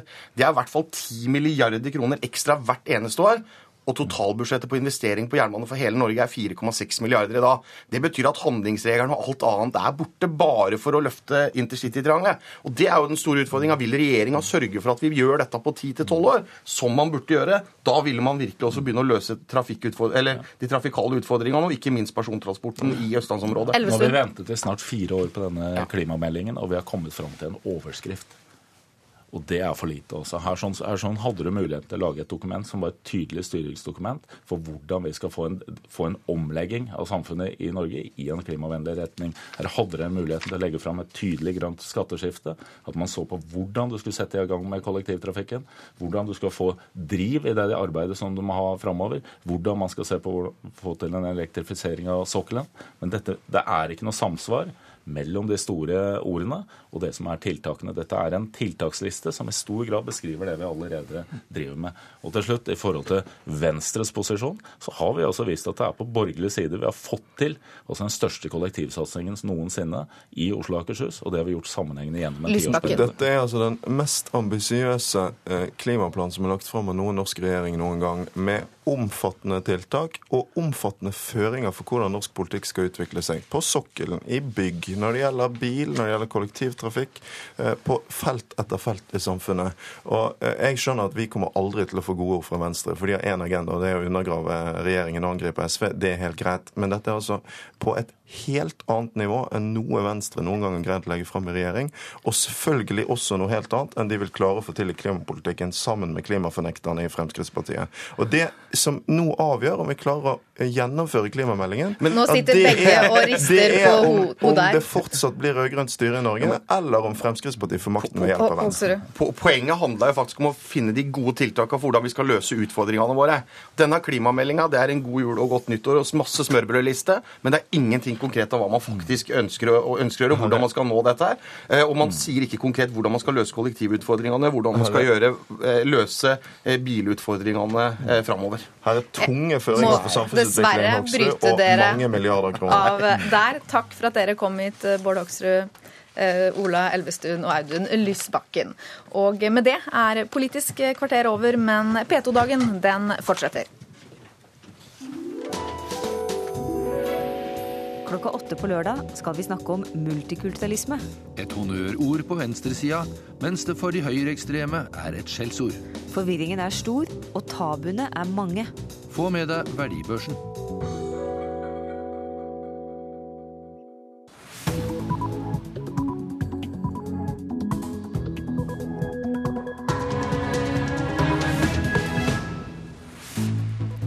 Da er klokka blitt åtte, og du lytter til Nyhetsmorgen. Vi har disse hovedsakene. Innvandring gjør Norge billigere, sier professor Erling Rød Larsen ved BI. Hadde det ikke vært for arbeidsinnvandringa, så hadde det vært enda dyrere. Regjeringen vil at vi skal bruke mer kollektivtransport, men på toget, bussen og banen er det allerede fullt, hevder Transportøkonomisk institutt. Det kommer krass kritikk mot forslaget til minnested etter 22.07 i Oslo.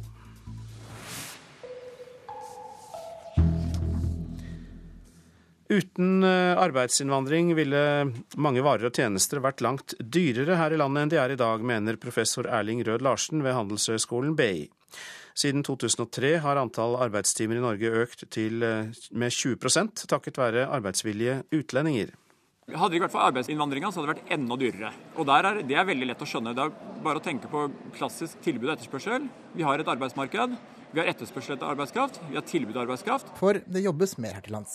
Men det er takket være arbeidsinnvandringen. Siden 2003 har antall arbeidstimer økt med 600 millioner, eller rundt 20% viser tall fra Statistisk sentralbyrå. Hvis vi ikke hadde fått tilbudt de 600 millioner arbeidstimene, så ville alle de tingene som vi nå snakket om, rørleggertjenester, snekkertjenester, tømrere, alt som de tilbyr oss, det hadde vært da dyrere. Det hadde rett og slett vært dyrere å fått fiksa badet. Reporter Kent Amar Eriksen. Han eh, mistet ikke sine armer eller ben, men 80 eh, av synet. Harald Føsker var i femte etasje i høyblokka da bomben gikk av, og det som han, føltes som han fikk en steikepanne i ansiktet, og så ble alt svart, sier han. I dag er hverdagen en ganske annen enn før 22. juli. Min frihet er veldig innskrenka. Jeg kan ikke kjøre bil lenger. Jeg kan ikke lese en bok uten at det er tekniske hjelpemidler i nærheten. Jeg kan ikke lese avisen uten å bruke forstørrelsesglass. Jeg veldig, var veldig glad å gå på ski. Nå kan jo det komme seg. Men foreløpig så er det en litt sånn dramatisk ting å tenke på. Jeg har fått frihet, men veldig skåret ned til beinet, for å si det sånn. Fordi de Når jeg kan bevege meg fritt, det er der jeg bor. For der er jeg veldig, veldig godt kjent. Harald Føsker vitner i dag i rettssaken mot Anders Behring Breivik i eh, Oslo tinghus. Regjeringen eh, vil la kollektivtrafikken ta unna den økte trafikken inn og ut av storbyene. Det går fram av klimameldingen som kom i går. På den måten skal de få ned antall bilbrukere, og dermed bedre utslippene fra rushtidstrafikken. Men kollektivtrafikken har ikke mer å gå på, sier avdelingsleder Kjell Werner Johansen ved Transportøkonomisk institutt. Nå er det vel sånn i enkelte byområder at eh, trafikksystemet begynner å bli veldig fullt, sånn at det må nok større kapasitetsøkende investeringer til enn det kommunene har eh, midler til å gjøre i dag.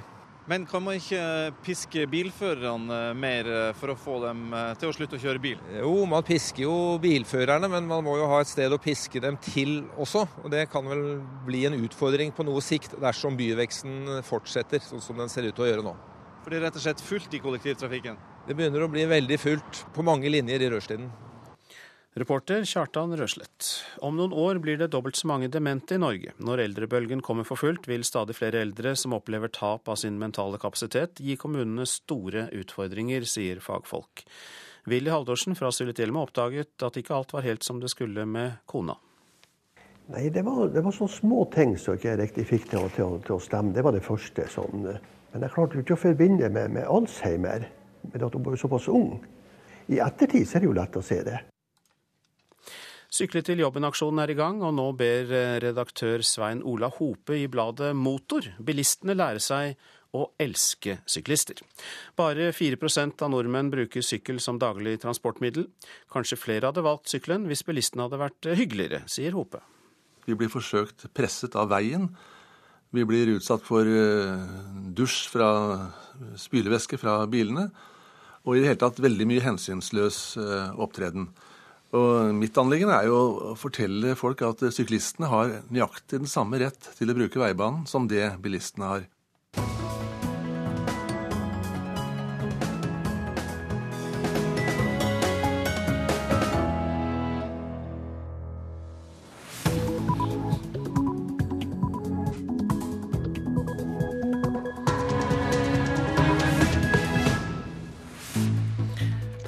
Er klokka blitt eh, halv ni, og Nyhetsmorgen har disse overskriftene.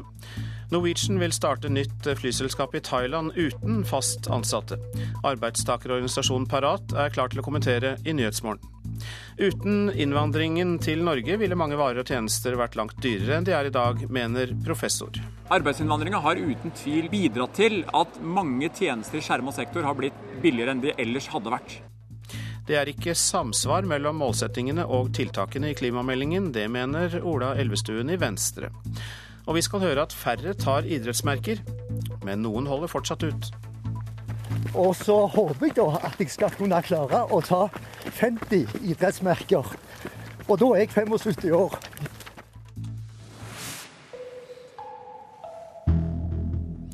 Norwegian eh, har planer om å starte et nytt flyselskap med base i Bangkok i Thailand. Det nye selskapet skal drive langdistansesatsingen, og ingen av de 500-600 som skal jobbe om bord, kommer til å bli fast ansatt, kun innleid på korte kontrakter, skriver Adresseavisen i dag. Leder i arbeidstakerorganisasjonen Parat, Hans Erik Skjeggerud, hva mener du om det? For det første så vil jeg si at det er veldig positivt at Norwegian er i vekst og ønsker å ekspandere. Ehm, men vi mener helt klart at det må skje gjennom bruk av fast ansatte. Men hvorfor er det så galt? Fordi det Norwegian faktisk sier, er at de skal konkurrere om asiatiske kunder bl.a. og mot asiatiske flyselskaper. Da må det jo være urealistisk med norske lønns- og arbeidsforhold? Det er urealistisk med norske lønnsforhold, og vi har også vært veldig tydelige på at vi ikke ønsker å eksportere de. Eh, vi er helt innforstått med at eh, lønnsforholdene må være på det nivået som er vanlig i det markedet der eh, flyvningene skal skje. Men behovet for fast ansettelse kommer av den fleksibiliteten som Norwegian har behov for i forhold til både fly og mannskap. Det innebærer at de skal fly sammen når selskapet har behov for det. F.eks. så kan norske flyvere, kabinansatte, bli satt opp på flyvning med i dette tilfellet da kanskje asiatiske ansatte. Da er det viktig for våre medlemmer å vite at de har en fast, ordentlig, skikkelig tilknytning til selskapet. Ja, Hvorfor det, hvis de er like gode piloter som dere? Jo, men det er noe med det at dette utgjør et arbeidsmiljø. En arbeidshverdag. Da er det viktig å vite at de man jobber i lag med, har skikkelige arbeidsforhold rundt seg. Trygge omgivelser. Man skal stole på hverandre, vite at man gjør de riktige vurderingene til enhver tid. Da er det også greit å vite at kollegaene har skikkelige forhold rundt seg i arbeidsforholdet. Men på den annen side så vil man jo kunne si at det å starte med kun folk på kontrakt vil være en mulighet for å etablere seg, og at man kan, så vidt jeg har sett også av artikkelen i Adresseavisen, kunne ansette folk fast etter hvert. Ja, og det signalet syns jeg er positivt. For vi har heller ikke vært kategorisk på at fast ansettelse må skje fra første stund. Det vil være naturlig i en overgangsfase å gjøre det, som de foreslår her. Men det er viktig at den perioden ikke blir lenger enn nødvendig. Og så vidt jeg vet, så har man prata om inntil fire år før. Det er helt uakseptabelt. Dette må gjøres så kort som mulig. Altså når basen er oppe og går, flyvninga er, er i gang, så må man prøve å få gjort det her fast så fort som mulig. Hva skal du og Parat gjøre for å få selskapet til å endre kurs? Denne la oss si, kampen da, er kjempeviktig, ikke bare for Parat, men for hele flybransjen. Det gjelder piloter, det gjelder kabinansatte. Hvis vi ikke når fram, så er vi redd for det at denne vil få overslagseffekt av andre bransjer også. Så den, det er en utvikling vi ikke kan sitte og se på og være med på. Takk for at du kom i studio, leder i arbeidstakerorganisasjonen Parat, Hans Erik Skjeggerud. Uten arbeidsinnvandringen til Norge ville mange varer og tjenester vært langt dyrere enn de er i dag, mener professor Erling Rød Larsen ved Handelshøyskolen BI. Siden 2003 har antall utførte arbeidstimer i Norge økt med 20 takket være arbeidsvillige utlendinger. Hadde det ikke vært for arbeidsinnvandringa, så hadde det vært enda dyrere. Og er, Det er veldig lett å skjønne. Det er bare å tenke på klassisk tilbud og etterspørsel. Vi har et arbeidsmarked. Vi har etterspørsel etter arbeidskraft, vi har tilbud av arbeidskraft. For det jobbes mer her til lands. Men det er takket være arbeidsinnvandringen. Siden 2003 har antall arbeidstimer økt med 600 millioner, eller rundt 20% viser tall fra Statistisk sentralbyrå. Hvis vi ikke hadde fått tilbudt de 600 millioner arbeidstimene, så ville alle de tingene som vi nå snakket om, rørleggertjenester, snekkertjenester, tømrere, alt som de tilbyr oss, det hadde vært da dyrere. Det hadde rett og slett vært dyrere å fått fiksa badet. Professor Erling Rød Larsen til reporter Kent Amar Eriksen. Ventetida for barn og unge som trenger psykisk helsehjelp øker igjen i Nord-Norge. Mens helseforetakene i andre deler av landet har en nedgang, har Helse Nord doblet antall lovbrudd på tre måneder. Ifølge Norsk pasientregister er nå ventetida oppe i 70 dager, og fortsatt er det slik at barn må vente lenger enn voksne på slik hjelp. For det første så får vi en del fortvilte foreldre som, eh, som ringer. Eh, og så er jo de som jobber hos oss, også veldig fortvilt. For at de eh, vil jo gjerne at pasientene skal få en behandling når de trenger det. Det sier leder av barne- og ungdomspsykiatrisk poliklinikk ved UNN, Børge Mathiassen. Universitetssykehuset Nord-Norge alene dekker en stor andel av barna i nord. Hos oss så er vel hovedforklaringa at vi de siste tre månedene har hatt en 48% økning i antall barn som er henvist. Og det kan ikke dere ta imot? Nei, med den bemanninga vi har i dag, så er det for mange. Vet dere hvorfor dere har fått så mange flere pasienter? Nei, vi har prøvd å se litt på det, men vi klarer ikke å finne noe, noe tydelig mønster. I Helse Sør-Øst må barna vente 46 dager i gjennomsnitt på psykisk helsehjelp. For barna i Nord-Norge er ventetiden 70 dager. På BUP i Tromsø har de bestemt seg for å gjøre noe med situasjonen. Det vi skal gjøre som et strakstiltak nå, det er at vi skal sette i gang en kveldspoliklinikk for å øke kapasiteten for å gi de her ungene et tilbud. Og det var Kristine Østfold som var reporter i den saken. Det er ikke noe samsvar mellom målsettingene og tiltakene i klimameldingen. Det mener Ola Elvestuen i Venstre. Han er skuffet over at det ikke følger med penger til kollektivtrafikken. Sånn denne meldingen er, er, lagt, så er fortsatt hovedansvaret ligger på byer og fylker. Og man går ikke inn fra regjeringens side og går inn på de store infrastrukturkostnadene som man står overfor. Det gjelder i Stavanger, det gjelder i Bergen, det gjelder spesielt i Oslo og Akershus. Ja, hvilke konsekvenser får dette for Oslo? Nei, Her har vi ingen løsning i forhold til hvordan skal vi få på plass en ny T-banetunnel, hvor vi trenger en betydelig statlig bidrag for å få dette til. Hvis vi ser på belønningsordningen som man har i dag, så, jo, så har vi merket at fra i fjor så fikk vi 60 millioner, i år får vi null. Her sånn er det altså en negativ trend. Og dette må ses i forhold til de støtteordningene som vi har selv. Altså Oslo kommune alene bruker altså i drift av kollektivtrafikk bruker 1,5 milliarder hvert år. Eh, og da blir det statlige bidraget i forhold til dette er veldig lite. Og skal vi ta de store utfordringene på oppgradering av trikk, T-bane, store utfordringer på nye T-banelinjer, spesielt en tunnel gjennom sentrum, så trenger du et mye sterkere statlig eh, engasjement enn det det er til nå. Ja, vi skal høre hvordan situasjonen i kollektivtrafikken i Oslo oppfattes eh, i dag. Jeg syns det er ganske slitsomt. For det er veldig fullt. Og så kommer man ikke alltid fram der man skal gå av. Ja, hva gjør så, du da? Da roper jeg høyt. Nå her må dere flytte dere. ja, det var en dame som skulle hjem med to barnebarn på T-banen i Oslo i går ettermiddag. Og SV-leder Audun Lysbakken, er det slik at dere sier dere vil satse på kollektivtrafikk, men egentlig ikke gjør det? Jeg tar jevnlig buss på morgenen sjøl og kan skrive under på at det er trangt uh, iblant. Uh, det har vært betydelige økninger i investeringen i uh, kollektivtrafikk de årene vi har sittet i regjering. Både er investeringene i jernbanen økt til et helt annet nivå enn det var den gangen Venstre hadde samferdselsministeren, og vi investerer mer i kollektivtrafikk. Det klimameldingen nå sier, er at vi skal ha spleiselag mellom staten og de store byene, at vi skal satse mer på kollektivtransport, særlig i de store byene. Det er vi helt avhengig av, fordi vi kommer til å ha en stor befolkningsvekst i alle storbyområdene våre framover. Og hvis ikke vi skal få voldsomme økninger i CO2-utslippene, så må den veksten tas kollektivt. Men det store paradokset er at Ola Elvestuen, som angriper SV her, sitter i et byråd i Oslo som ikke er villig til å tenke grønt i stor nok grad, men går inn for altfor mange store veiprosjekter i Oslo-regionen. Intervjuer Monica Westerin. Regjeringen vil at vi skal sykle mer, og årets Sykle til jobben-aksjon er i gang. Men ifølge Syklistenes Landsforening så ligger Norge langt bak våre naboland. Vi bruker bare sykkel 4 av oss eh, til daglig, men det er oppe i 10% i Sverige, og hele 17% av befolkningen i Danmark tar sykkelen fast. Fatt. Redaktør Svein Ola Hope i bladet Motor sier at mange bilister forsøker å presse syklistene av veien. Ja, alle vi som eh, sykler. Jeg sykler, jeg også, nemlig. NAF-medlemmer er jo både bilister og de er syklister. Og vi som er på sykkel i trafikken, vi oppdager og registrerer at vi blir forsøkt presset av veien.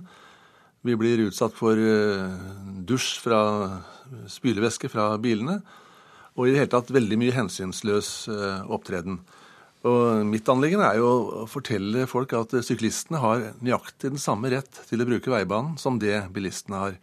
Og ofte så er det for syklistene er det bedre og sikrere å bruke veibanen enn å bruke såkalte gang-sykkelveier. Hva har eh, motorredaktøren sjøl opplevd eh, som syklist?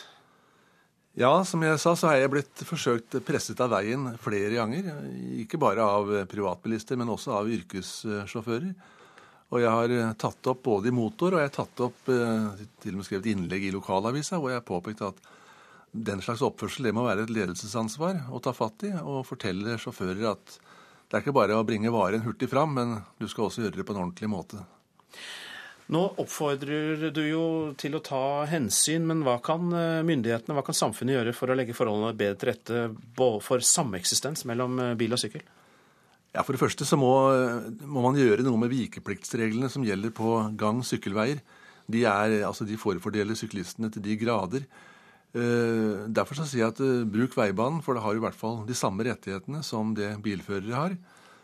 Og så er det jo helt åpenbart at uh, sykkelveinettet i Norge det er nokså fraværende. Det er veldig fragmentert, det er dårlig vedlikeholdt, og det er ikke sammenhengende. Kan du være mer konkret på det med vikepliktsreglene, for det tror jeg mange er litt nysgjerrig på? Ja, Så lenge du kjører i veibanen, så har du de samme rettigheter og regler som bilførere.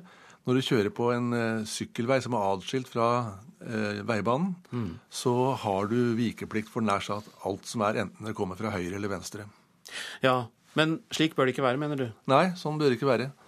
Altså, du, her er det to sett vikepliktsregler. Det skaper uklarhet. Og uh, det er altså til syklistenes disfavør. Og du må huske på at veldig mange av de som sykler, de gjør det for transportsykling. De skal hurtig til jobben, effektivt til jobben. Og de gjør det for å trene. Og da kan du ikke bruke gang- og sykkelveier hvor du er nærmest eh, Nå tar jeg litt i rettsløs. Ja, men samtidig så er det jo de eh, som er enda mykere i trafikken, da, som også beveger seg her. Ja, og som syklist så må du, når du er på en gang- sykkelvei, så må du da ta hensyn til de gående. Og det vil si sykling nærmest i gangfart. Redaktør Svein Ola Hope i bladet Motor. Tine lover bedring etter smørkrisen i fjor, og ønsker nå å fornye tilliten hos forbrukerne. Styreleder Trond Reierstad i Tine innrømmer at han ikke var i nærheten av å forestille seg at en sak som smørkrisen skulle dukke opp, skriver Nasjonen. I ukevis var butikkhyllene tomme for smør. Reierstad sier han gjorde en dårlig jobb, og forsøket på å rette opp situasjonen eh, kom skeivt ut i mediene den gang. I Pakistan har Høyesterett funnet landets statsminister Yusuf Giljani skyldig i forakt for retten og dømt ham til en symbolsk fengselsstraff. Giljani fortsetter likevel trolig som statsminister i landet. Han har ikke fulgt opp anklager om omfattende korrupsjon i det pakistanske statsapparatet. Det kunne minne mer om et valgmøte enn et rettsmøte, det som skjedde utenfor den pakistanske høyesteretten i Islamabad nå i formiddag, lokal tid. Statsminister Yusuf Gilani ankom med sine tilhengere, som kastet roser over den svartkledde politikeren, mens tungt bevæpnede politifolk hadde tatt oppstilling og helikoptre svevet over området. Rettssaken mot Gilani handler om at han anklages for ikke å ha fulgt opp påstander om korrupsjon i statsadministrasjonen, anklager som også rammer Pakistans president Asif Sadari. Gilani anklages for ikke å ha fulgt opp pålegg om å gjenoppta en sak om hemmelige konti i sveitsiske banker. Statsminister Josef Gilani ble i dag dømt for å ha vist forakt overfor retten, men dommen var symbolsk og innebar bare de minuttene han befant seg i rettssalen. Trolig kan han derfor fortsette som statsminister, selv om observatører mener at rettssaken og dommen i dag er et pressmiddel den mektige pakistanske hæren bruker for å styrke sin innflytelse overfor regjeringen. Sa utenriksreporter Morten Jentoft. Ja, Du lytter til Nyhetsmorgen, og klokka den går mot eh, kvart på ni. Dette er hovedsakene våre. Norwegian starter nytt flyselskap i Thailand uten fast ansatte. Arbeidstakerorganisasjonen Parat vil kjempe for fast ansettelse for alle i Norwegian. Uten arbeidsinnvandringen til Norge ville mange varer og tjenester vært langt dyrere enn de er i dag, mener professor Erling Rød Larsen ved Handelshøyskolen BI. Og i dag har to damer invitert folk til å bli med for å synge 'Barn av regnbuen', som en støtteerklæring til de berørte etter 22. juli. Vi skal høre mer om dette ganske snart. Men først om at menneskehandlere bruker trygdesvindel som en ny og lukrativ måte å tjene penger på, ifølge Aftenposten. Stor profitt og lav risiko gjør at bakmenn utnytter velferdsordninger i Vest-Europa, viser en ny rapport fra Europol. Og eh, alle land i Vest-Europa, også Norge, er interessante mål for slike grupper, ifølge det internasjonale politiorganisasjonen. Magne Fladby, du er direktør i Nav kontroll. Og eh, hvor oppmerksom er dere på denne type svindel? Vi er klar over denne risikoen. Eh, vi har også saker hvor vi har avdekket eh, at personer har kommet med falsk identitet og falske papirer til Norge. Men vi har ikke avdekket at det er satt i et system hittil. Er det først og fremst eh, ved å komme til Norge med falsk identitet som er muligheten de har for å svindle penger, eller er det også andre måter å svindle på? De som vil komme til Norge for å svindle på velferdsordningene, så er det klart at det første er å komme inn i landet og, og deretter tilpasse seg eller da uh, falske papirer uh, for, å, for, å, få velferdsordninger. Da. Ja, Men hvordan skjer det i praksis? Hva står det i de papirene som gjør at de får penger av dere? Nei, vi har jo da Siste halve året så har vi jo uh, fått to dommer som gjelder falsk identitet. Altså at de har kommet til Norge på falsk identitet og derigjennom da brukt den for å svindle til seg velferdsordninger. Og da snakker vi om kontantstøtte og barnetrygd og andre ting? Og andre ting, ja. Det er forskjellige typer stønad som er mulig å få hvis man først har kommet inn i landet. Også hvis man får seg en jobb, og så har man jo de samme rettigheter som, som alle andre. Men hvor vanskelig er det å avsløre det? I hvilken grad har dere ressurser til å sette trykk på dette og få det avslørt? Det er vanskelige saker å avdekke. Det ligger litt i sakens natur når når, hvis det er satt i system, eh, og det er både bakmenn eh, kanskje, og også den enkelte da, som er interessert i å svinne til seg i velferdsordninger, så er det vanskelig og ressurskrevende. Men vi har etablert eh, noen grupper nå for, for, å avdekke identitetssvindel. Og vi har også en gruppe nå som jobber med organisert og systematisk trygdesvindel. Men hva tror du om tilliten til Nav når slike ting kommer for dagen? Vi er klar over risikoen på det her. og vi mener oss eh, godt forberedt til å prøve å avdekke den type svindel. Og vi har også godt samarbeid med skatteetaten. Eh, vi får også meldinger fra politiet. Slik at vi er eh, godt skodd, men det er klart det er vanskelige saker og det er ressurskrevende saker. og Det er derfor vi setter ned spesielle folk spesielle, med spesiell kompetanse som kan ta den type saker. Og samarbeid med andre land? Vi samarbeider også med andre land, eh, både norske utenrikspersoner og også andre lands trygdemyndigheter, som er de vi kan samarbeide med. Mange takk skal du ha for at du var med i Nyhetsmorgen, Magne Fladby, direktør i Nav kontroll. Kongen settes på sidelinjen under feiringen av 8. mai. Det sier generalsekretær i Norges forsvarsforening Christian Bugge Hjort til Dagbladet. I fjor fikk Jens Stoltenberg kritikk fordi kong Harald ikke fikk lov til å være med på utdelingen av Krigskorset. I år skal kongen legge ned en krans, men Hjort mener rollen til kong Harald burde vært langt større under markeringen 8. mai. Rettssaken mot uh, Anders Behring Breivik fortsetter i dag med flere av de skadde fra angrepet i regjeringskvartalet. Reporter Per Arne Bjerke, du er også i dag ved Oslo tinghus. Hva skjer der i dag? Ja, Nå klokka ni så fortsetter vitneavhørene av de som ble skadd i regjeringskvartalet. Første vitne er eh, Harald eh, Føsker, som vi hørte i radioen tidligere i morges. Han eh, jobber i kriminalomsorgen og befant seg i femte etasje i høyblokka. Han fikk store skader og mistet mye av synet. Men han har kjempet seg tilbake, og som han selv formulerte det i morges, terroristen klarte ikke å drepe meg, det var jeg som vant. Så kommer Line Benedikte Nærsnes, som eh, veldig mange lyttere vil huske. Det var hun som var avbildet i dagene etterpå med en tresplint som sto ut av hodet hennes. Hun befant seg i 11. etasje. Det første rystende vitnemålet det fikk vi jo i går, da jusstudenten Eivind Dahl Thoresen kom inn på krykker og kom med en meget sterk skildring av hvordan han ble skadd i 22.07. Han fikk store blødninger, og han trodde at han skulle dø. Så klokka tolv i dag så møtes eh, tusenvis av mennesker antagelig på på Youngstorget. Der skal Bjørn Nilsen eh, lede an i sangen 'Barn av regnbuen'. Denne sangen som Nilsen jo selv har satt eh, norske ord på, og som tiltalte mener brukes som en del av indoktrineringen i skolen. Fra Youngstorget er det da meningen at dette toget skal gå fram hit til tinghuset som en stille protest mot det terroristen står for. Mange takk skal du ha for den rapporten, Per Arne Bjerke. Nå har jeg vært så heldig å få dere i studio, Lill Gjønnevåg og Kristine Bahr. Velkommen. Hvem av dere var det som foreslo dette med å synge 'Barna regnbuen'? Først kom på det. Ja, det var, eh, det var vel ja, meg. Ja. Mm. Hvordan kom du på dette, Lill Gjønnevåg? Eh, jeg hadde, hadde en prat med ei venninne, og så dukka plutselig den ideen opp eh, fra henne, faktisk. Og jeg fikk lov å ta den videre.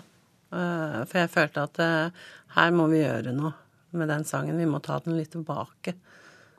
Hvor mange tror dere kommer i dag? Eh, sist vi sjekka nå, så har vi passert 5200 eh, påmeldte.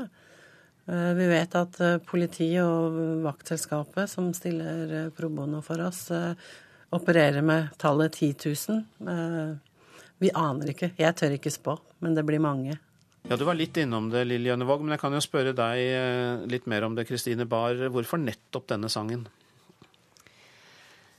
Eh, det var jo eh, først og fremst eh, Breivik som trakk frem den sangen som, som et eksempel. Og som Lill sa, så følte jo de at det, var, det handler litt om å få tatt sangen tilbake. At det her, den skal ikke brukes som et eksempel på noe negativt, for det er jo en, en positiv sang. Det handler om mangfold. Det handler jo om det stikk motsatte som det Breivik står for.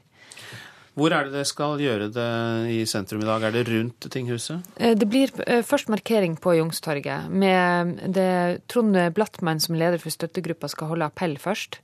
Eh, deretter så skal Lillebjørn Nilsen synge. Han synger først på norsk, og så tar han den engelske versjonen til Pete Seeger.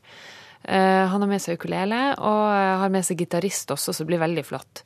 Deretter så er det avgang opp mot eh, tinghuset og rosenedlegging for de som har roser med. Og eh, Lill Gjønnevåg, hva syns du om at Lillebjørn Nilsen stiller opp sjøl? Vi er utrolig takknemlige for at uh, han stiller opp. Uh, han har hele tida stått øverst på ønskelista vår når det gjaldt uh, den musikalske delen, som er hele poenget også med, med markeringen, da. Så veldig, veldig takknemlige.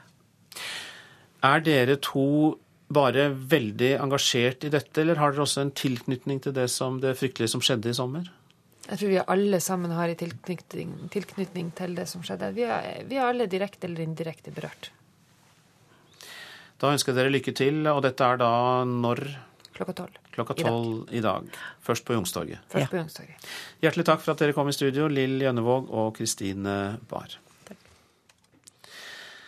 Så skal vi høre om eh, idrettsmerket, for på det meste så var det 50 000 av oss som tok det i løpet av et år. Nå er snart eh, denne 100 år gamle folkehelsetradisjonen i ferd med å dø ut.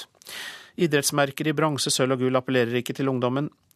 Trist at det bare er de eldre som gidder å teste hurtighet, utholdenhet og spenst. Det sier ildsjelene som nå tar fatt på en ny sesong, med stoppeklokke og med målebånd. Jeg har tatt det 46 ganger.